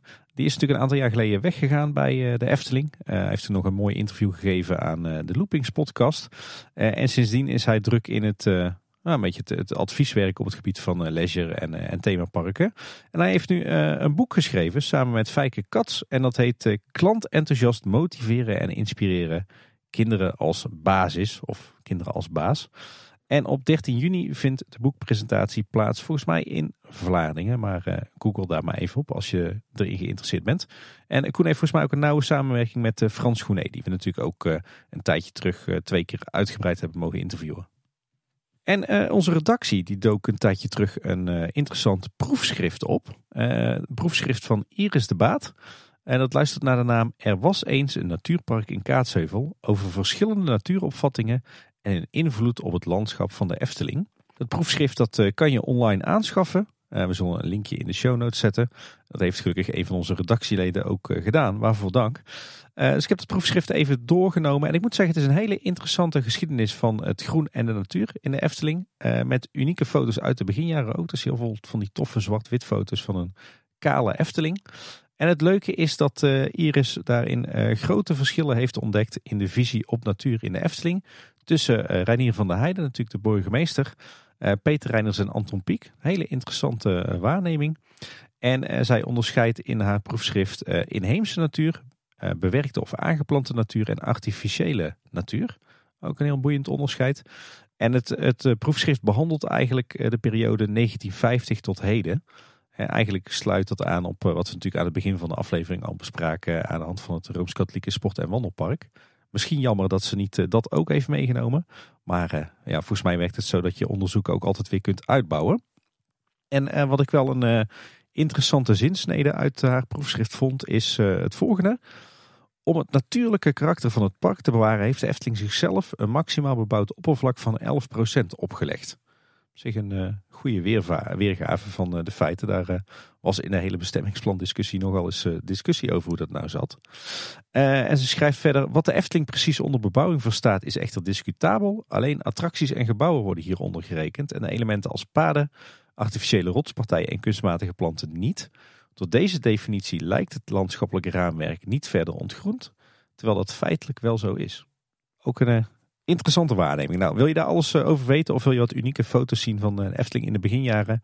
Check even een linkje in de show notes en schaf het proefschrift van Iris aan. Ja, als laatste kort nieuwsfeitje Tim, leuke nieuwe fandocu die is gemaakt over Efteling-liefhebbers. En daarin zien we onder andere vriend van de show Bram Elstak, de Efteling tatoeëer koning natuurlijk. Jazeker. Langskomen. Dus check die via het linkje in de show notes hele toffe mini-documentaire met een, uh, ja, waarin we kennis maken met een aantal uh, ja, leuke Efteling-liefhebbers. Is er nog wat te melden uit de periferie van Efteling, Tim? Nou, ik heb eigenlijk wel een, uh, wel een tip. Het is toch wel een beetje de, de voorjaarsaflevering. We hebben het al gehad over de vele nestjes met watervogels. Over al het frisse, wilderige groen in de Efteling. Maar ik heb ook wel een tip. En dat is, ga een deze dagen ook eens weer het Keienspoor wandelen. onderdeel natuurlijk van natuurgebied het Loonse Land. Want eh, ergens halverwege de route vind je de kathedraal van het Loonse Land. En dat is geen uh, abdij of kerkgebouw, maar dat is een prachtige, op zichzelf staande uh, beuk. En die staat sinds kort weer helemaal vol in het blad. En dat is echt prachtig, diep paars bijna. En die boom is op zichzelf al schitterend. Wordt ook beschreven als een van de mooiste bomen in Nederland. en zeker nu. Ja, die kleuren van die boom is echt, zijn echt prachtig. Uh, dus ga daar echt eens een keer kijken. Dat is een verborgen juweeltje wat hier uh, zomaar ergens in een bos achter de Efteling is uh, verstopt. En dan nog iets totaal anders. we hebben natuurlijk bij Kleine Boodschap in volgens mij aflevering 260 al wel eens om tafel gezeten met de mensen van onze lokale heemkundekring, de Ketsheuvel. Die brengen een aantal keer per jaar ook een blaadje uit. AO Nieuws heet het. Goeie naam. Daarin hebben ze deze keer een nauwkeurig overzicht opgenomen van de verdwenen attracties uit de Efteling. Natuurlijk naar aanleiding van het verdwijnen van het spookslot waar de Heemkundekring ook nog wel wat gevonden heeft. Dus ik heb het gekocht. En ja, het was vooral veel Eftepedia jubileumboek uitgeschreven. was wel nauwkeurig dus? Het, het was, er, stond redelijk veel in. En natuurlijk wat leuke foto's, maar denk voor de doorgewinterde Efteling liefhebber niet per se heel veel nieuwe informatie. Dan kunnen ze onze aflevering erover ook luisteren. Ja. Dan door naar de reacties van luisteraars. We hebben een vraag gekregen van Maart. En die uh, zet heel to the point. Beschrijf los van elkaar hoe voor ieder van jullie de perfecte Eftelingdag eruit ziet. Of eigenlijk moet zeggen, de perfecte Eftelingdag eruit ziet. Oeh, dat is eh, een leuke en eh, tegelijk ook lastige vraag. ik vind het vooral een hele lastige vraag. Jij mag beginnen, Paul. Ja, dan ga ik dus meteen vals spelen en nou, laat zo zeggen, de perfecte Eftelingdag die bestaat niet, want die ligt heel erg aan het gezelschap waarin je je bevindt. Mm, en dat maakt heel veel verschil voor mij. Maar laat ik dan uitgaan van een Eftelingdag met het gezin. Gewoon een volle dag, wat ook echt een eeuwigheid geleden is. Als het al ooit gebeurd is, besef ik me nu. denk ik altijd met uitgebreide gezelschap dan alleen het gezin dat we een hele dag doen. Maar dan zouden we eh, in ons geval, hoe wat zouden we dan doen? Nou, dan zouden we in ieder geval thuis denk ik goed ontbijten, zodat we in het park zelf gewoon eh, de dag kunnen beginnen met een eh, snackje ergens. En dan eh, een van de eerste... Proef een bekkerij bij jou? Nee, nee, die- die- dat wordt de lunch, dat wordt de lunch. Maar gewoon iets kleins, iets kleins zeg dan, zo'n shortcake of zo, weet je wel. Ah, ja, aan de promenade. En dan lopen we door naar, als eerste denk ik naar Droomvlucht. Die alvast hebben gedaan in de ochtend. En dan gaan we daarna door naar Reizenrijk. En ik denk dat we dan even blijven hangen in die hoek. Dat we, dus nadat we Vogelrok en Sirocco en eh, Carnaval Festival hebben gedaan, dat we dan eventjes eh, op eh, de pleinen bij Marenrijk rondhangen. Met name het Anton Pieckplein, waarschijnlijk even Lavin. Villa Volta nog even meepikken. Nou, dan is het park een beetje volgestroomd. Ik ga vanuit de gemiddeld, volle, de gemiddeld drukke dag is. Maar dan gaan we ook richting de lunch. Dan beginnen de wachttijden bij Symbolica een beetje af te nemen. Dus dan trekken we denk ik die kant op. En dan gaan we daarna door naar, eh naar Krumel. Dan gaan we daar lunchen. Dan wordt het natuurlijk wat rondjes Max en Moritz gedaan. Die zijn op dat moment van de dag ook wel weer prima te doen. Dan pikken we meteen Fata Morgana mee. Gaan we denk ik rustig aan richting Ruigrijk. Misschien dat we dan Fabula nog even doen. Maar die kunnen we ook bewaren voor het eind van de dag. Of als slecht weer is, zeg maar. Pakken we er nog een snackje tussendoor. En dan gaan we voor een ijsje denk ik tussendoor. Als dan in die hoek van het park zitten. Waar gaan we dan een ijsje halen? Nou, dat zal wel een verpakt ijsje worden denk ik. Nee, we gaan voor een soft ijsje. Bij eh, de Vliegende Hollander daar zo, weet je wel. Eh, misschien zelfs wel voor een Fanta Float. Zou nog kunnen. Eentje in het gezelschap en dan delen we die een beetje met een, eh, een paar eh, lepels. En dan doen we daar nog, eh, de Vliegende Hollander moeten dan, ja, ligt wachttijden. Als het druk is, één keer. En als het niet zo druk is, misschien twee, twee of drie keer doen. Favoriete attractie nu van velen binnen het gezin. En Joris en het drakenritje. Nou, eigenlijk kunnen we bijna alle acht banen al aftikken. Ik denk dat we de Python dan voor het eerst zouden doen. Als we het nu zouden doen met de oudste dochter. Die wil die wel heel graag doen. En dan gaan we denk ik aan het eind van de dag. Nou, als het echt de perfecte Eftelingdag is, dan denk ik dat we eindigen bij eh, het Wapen van Ravelijn. Ik denk dat we dan daar eh, het diner nog een keer gaan doen. En dat is lastig. Want als het echt de perfecte dag is, zou ik ook nog Caro moeten doen. Maar dat is niet te combineren, want die tijden die overlappen. Ik, was, ik dacht dat je wou zeggen, als het de perfecte dag moet zijn, dan eh, is Tim er ook bij natuurlijk met zijn gezinnetje. Ja, eigenlijk wel, eigenlijk wel. ja. En ja, tussendoor ga ik denk ik veel van de toiletten bezoeken. Maar degene die ik zeker niet wil missen zijn die bij eh Polles Keuken buiten daar. Het is gewoon omdat die heel praktisch groot en ruim zijn. En eh, bij Krumel ook wel eventjes hoor. Want dan hebben we toch wel een paar van de highlights eh, gehad denk ik. Nou, voor iemand die dit een ingewikkelde vraag vond, heb je toch wel heel uitgebreid weten te beantwoorden. Ja, nou laten we nog een paar extra details erbij pakken Tim. Want het weer is ook wel een goeie. Niet te koud. Hè. Het moet wel denk ik een graad of, nou laat het 12. 21 zijn. Oh. Met, een- met een zonnetje. Maar dat het ook niet veel warmer gaat voelen dan een graad of 26. Dan, dan denk ik dat we wel goed zit. Ja, dan kan ik gewoon in mijn t-shirt rondlopen. Vanaf een uur of tien al. Dus het moet ook niet al te, al te laat pas warm worden.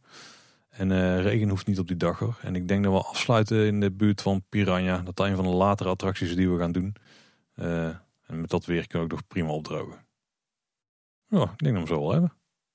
Nou, eh, netjes hoor. Complimenten. En dan gaan we uitrijden. En dan staat er helemaal geen wachtrij. En dan kunnen we meteen doorrijden naar de slagbomen. Want te, te, Oh, je bent op de fietsbal. Ja, of met de auto. Ja. Ik denk, perfecte dag Tim, dan zijn we met de auto. De- Denk aan de stikstof. Nee, dan de perfecte dag zijn we misschien als je de de elektrische auto, wat zit ik te mouwen? Je mag voor mij zoveel rondrijden als je wil. Stikstof gaat het issue niet zijn, nee. Nou, ik denk dat ik, ik, denk dat ik het daarbij hou. Ja. Ik denk dat uh, Marit wel content gaat zijn met jouw antwoord. Nou, dus krijg je antwoord ook nog. Ja. Nou, eh, laat het horen Tim, laat het horen. Oeh, ik heb denk ik niet zo'nzelfde schema uitgewerkt in mijn hoofd als jij, maar eh, ik ga wel een sfeertje neerzetten. Ik denk, eh, ondanks dat ik heel veel lieve vrienden heb, eh, denk ik toch dat mijn perfecte dag eh, met het gezin is. Met Anne en de kids. Oktober. Oh ja. Nou, toen maar een weekenddag in oktober. Ehm, echt van het lekkere herfstweer, weet je wel. Graad of wat zal het zijn, 12. Eh, niet de hele dag regen, dat is al te veel van het goede. Maar af en toe een beetje een regenbuitje. Een beetje een windje. Dat je echt zo in Efteling, weet je altijd dat lampjes aanstaan. Dat er wat plassen op het wegdek liggen waar het, eh, de, waar het allemaal een beetje in, waar de gloeilampjes in spiegelen, weet je wel. En dan zo rustig, maar niet zodanig rustig dat het park verlaten is. Dus ik denk 6.000, 8.000 bezoekers. Dat je in alle attracties wel redelijke walk-ons hebt. Hè, dus 5, max 10 minuten wachten. Dan lekker op tijd beginnen. Gewoon 10 uur naar de Efteling. En dan eh, beginnen we s ochtends, eh, nou, dankzij al die walk-ons, met lekker veel attracties rammen. Nou, rond lunchtijd eh, witte paard, tomatensoepje, kaasbroodje, worstenbroodje, cappuccino. En dan uh, middag is het natuurlijk net wat drukker bij de attracties. Dus dan kunnen we eens lekker wat molentjes pakken op het uh, Anton Pieckplein. Een beetje rondstruinen. Misschien even laven in. Rondje Sprookjesbos. En dan zo uh, s'avonds lekker uitgebreid avondeten bij Polles Keuken. Even lekker opwarmen, opdrogen. Even goed de tijd nemen. En dan als toetje nog even een rondje in de Fata. En dan op het naar huis. En moeten er nog onderhoudswerkzaamheden zijn die je kunt spotten onderweg? Of is dat geen must? Voor nee, dat doe ik wel op de, de andere minder perfecte dagen. Ik besef net dat ik één ding echt gruwelijk ben vergeten. Die bij de, de perfecte dag er wel echt bij hoort. En dat is uh, dat we een rondje doen in de stoomtrein. Of liever nog gebruiken twee keer als transportmiddel. Om van de ene naar de andere kant van het park te komen. Zonder dat we daar heel lang voor hoeven te wachten. Dus dat we gewoon aankomen lopen, dat hij al klaar staat. Dat we erin kunnen zitten en dat hij binnen een minuut weg is. Oh, en eigenlijk bij een perfecte dag wordt ook wel afsluiten in de gelachkamer. Maar ja, dat doe je niet snel met kinderen. Of een lunch in Bosrijk. Maar ja, je gaat ook niet het park uit om te lunchen in het eethuis natuurlijk. Ja, dus is de conclusie eigenlijk dat de perfecte Eftelingdag misschien niet bestaat? Eigenlijk is het de combinatie van al die dagen in een jaar die de perfecte ja, Eftelingdag maken. Want de perfecte Eftelingdag sluit je misschien ook wel af met Aquanura. Maar daar gaat Oeh. ook weer niet als ik bij het Wapen van Ravelijn zit. Of het, moet, het park moet echt heel lang open zijn. Dat is ook nog kunnen. Misschien is het dat wel. Dat het tot tien uur open is of zo. Negen Pleinenfestijn. Kunnen we nog net om kwart over tien Aquanura meenemen. En dan gaan de kinderen helemaal afgebrand uh, bed in. Zoals het heurt. Nou, genoeg voor nu. Ik denk dat we er misschien wel een hele aflevering mee zouden kunnen vullen. ja. Dus uh, dankjewel Marit voor je interessante, prikkelende vraag. We hebben nog steeds uh, heel veel meer vragen uh, in ons bakje liggen, maar daar gaan we de volgende keer gewoon weer op het gemakje mee verder. Ja. Hey Paul, en dan nog dit. Heb jij nog iets interessants voor mij? Nou ja, hier al een beetje de, de vrije tijdsbesteding dingen aan. Ik ben een soort van doorlopend op vakantie op dit moment, Tim. Ja, daar merk ik aan de planning. Ik ben op vakantie naar Hyrule Kingdom.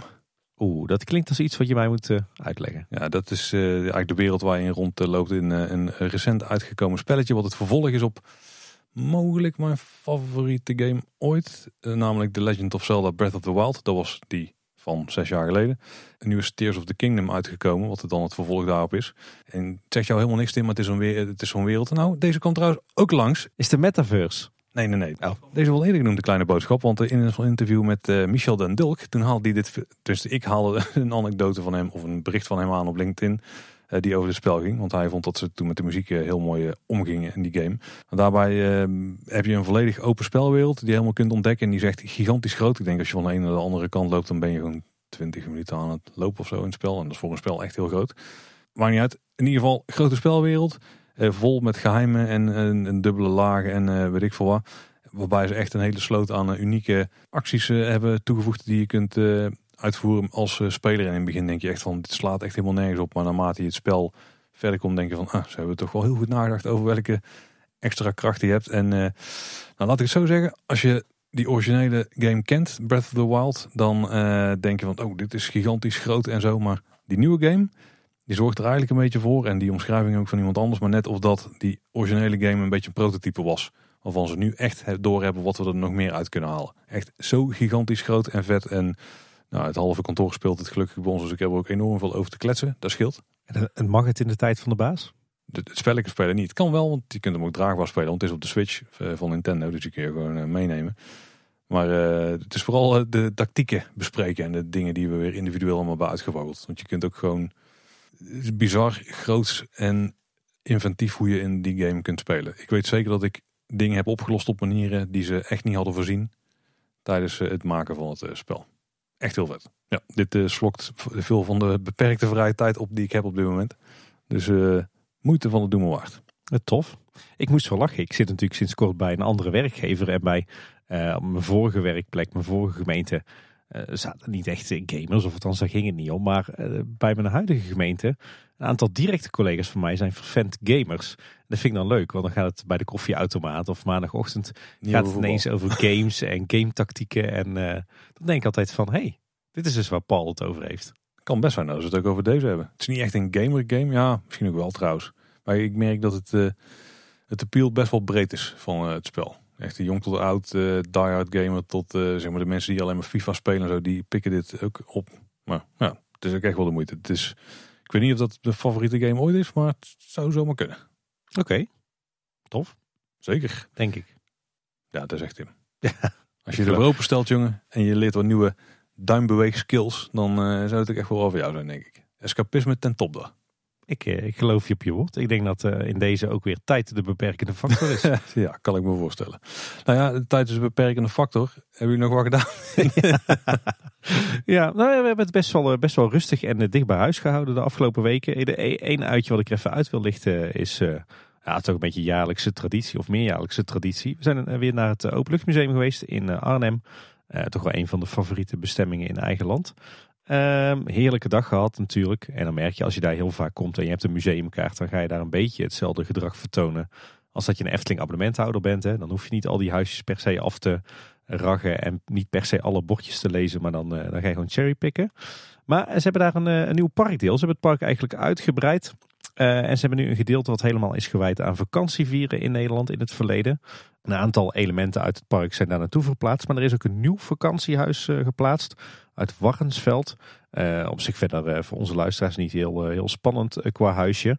maar dat heeft een, een beladen verleden met, met Joodse onderduikers die daarin zijn ondergedoken tijdens de Tweede Wereldoorlog. En wat ik nou zo boeiend vond daar is de storytelling die ze daar hebben toegepast. En wat ik al zei, het is natuurlijk een beladen onderwerp. Je zit daar met, uh, met veel kinderen in het museum natuurlijk. En hoe doen ze dat nou? Er hangt niet een bordje of er speelt niet een, een spiel of zo. Maar als je binnenkomt hangen er een, uh, een aantal uh, voorwerpen aan de wand. Herinnerdingen heten ze. en ieder voorwerp staat voor een bewoner. zo staat er een aktentas, er hangt een, een, een hoed van de vader des huizes. Maar er hangt ook een teddybeer van het, uh, het jongetje wat in dat huisje heeft uh, gewoond. En die teddybeer die kan je dus meenemen. En dan hoor je het verhaal van het kindje. Uh, en in iedere ruimte staat een soort, ja wat is het, een soort houten olielamp. En als je daar de teddybeer bij in de buurt houdt, dan gaat die teddybeer het verhaaltje vertellen van die jongen. Wat verband houdt met die ruimte waarin je staat. En zo zijn er vijf punten in dat huisje waar je die teddybeer er tegenaan kan houden. En die teddybeer houdt ook bij of je alle verhaaltjes hebt gehoord. Want als je ze allemaal hebt gehoord, ongeacht de volgorde, zegt, hij ook, zegt dat jongetje ook van je hebt nu uh, mijn verhaal gehoord, uh, breng me terug naar de uitgang. Kijk, dat werkt nou met RFID, Tim. Ja, daar was ik al, uh, dacht ik al. Uh, maar ja, super tof, want het is echt plaatsafhankelijke storytelling. Het is, uh, je, kunt uh, kiezen uit Nederlandse of Engelse voorwerpen. Ehm, je kunt zelf kiezen voor welk verhaal wil ik horen. Van de vrouw des huizes, de man des huizes, de onderduiker of het kindje. En dat voorwerp sluit er ook weer bij aan. En ik merkte aan mijn kinderen, die we hebben daar helemaal niet in, in gestuurd. Maar die werden gewoon heel op een natuurlijke wijze door die teddybeer getrokken. En die snapten zelf al wat ze moesten doen. Dus uh, hele toffe manier van, uh, van storytelling daar. Uh, dan nog een luistertip. Ehm, de vorige keer in En dan nog dit vertelde ik al dat ik uh, een, een, mooie rondleiding had gekregen door de Olifantenvallei in de Beekse Bergen. Wil jij dat nou ook beleven? Dan luister dan naar de laatste nieuwe aflevering van de Loopings podcast met natuurlijk Wessel en Rick Merks, de hoofdontwerper van Libema en dus ook van eh, de Beekse Bergen. En eh, daarin krijgt Wessel een uh, vergelijkbare rondleiding door de nieuwe olifantenvallei in de Beekse Bergen. En Rick is gewoon een fantastische vent en een geweldige verteller. En, en gruwelijk enthousiast. Gruwelijk ja. enthousiast en gepassioneerd, ja. En hij heeft overigens ook een, een zwak voor de Efteling, weet ik. een super, super geanimeerd gesprek tussen Wessel en hem. En absoluut de luistertip al. Zeker als je wat hebt met, met dierentuinen. Nou, in het algemeen wel. Als je het gewoon als, als ontwerp in uh, leisure omgevingen iets interesseert. Ik vond het ook uh, super interessant. Ja, en uh, tot slot nog een paar kijktips. Die heb ik wat, wat opgespaard de afgelopen afleveringen. een hele toffe Vlaamse serie, 1985 heet die. Gaat over de bende van Nijvel, misschien wel bekend. Mm -hmm. uit de geschiedenis van Vlaanderen. En de misstanden bij de, de Rijkswacht. heel mooi gemaakt. heel tof als je wat met geschiedenis hebt. Uh, wordt uitgezonden op de publieke omroep op dit moment. En is natuurlijk ook uh, terug te kijken via NPO Start. En een serie waar ik het een beetje moeilijk mee heb. Omdat ik zelf niet zo goed weet wat ik ermee vind, wel van vind. Is A Small Light op Disney+. Plus. Vertelt het verhaal van Miep Gies.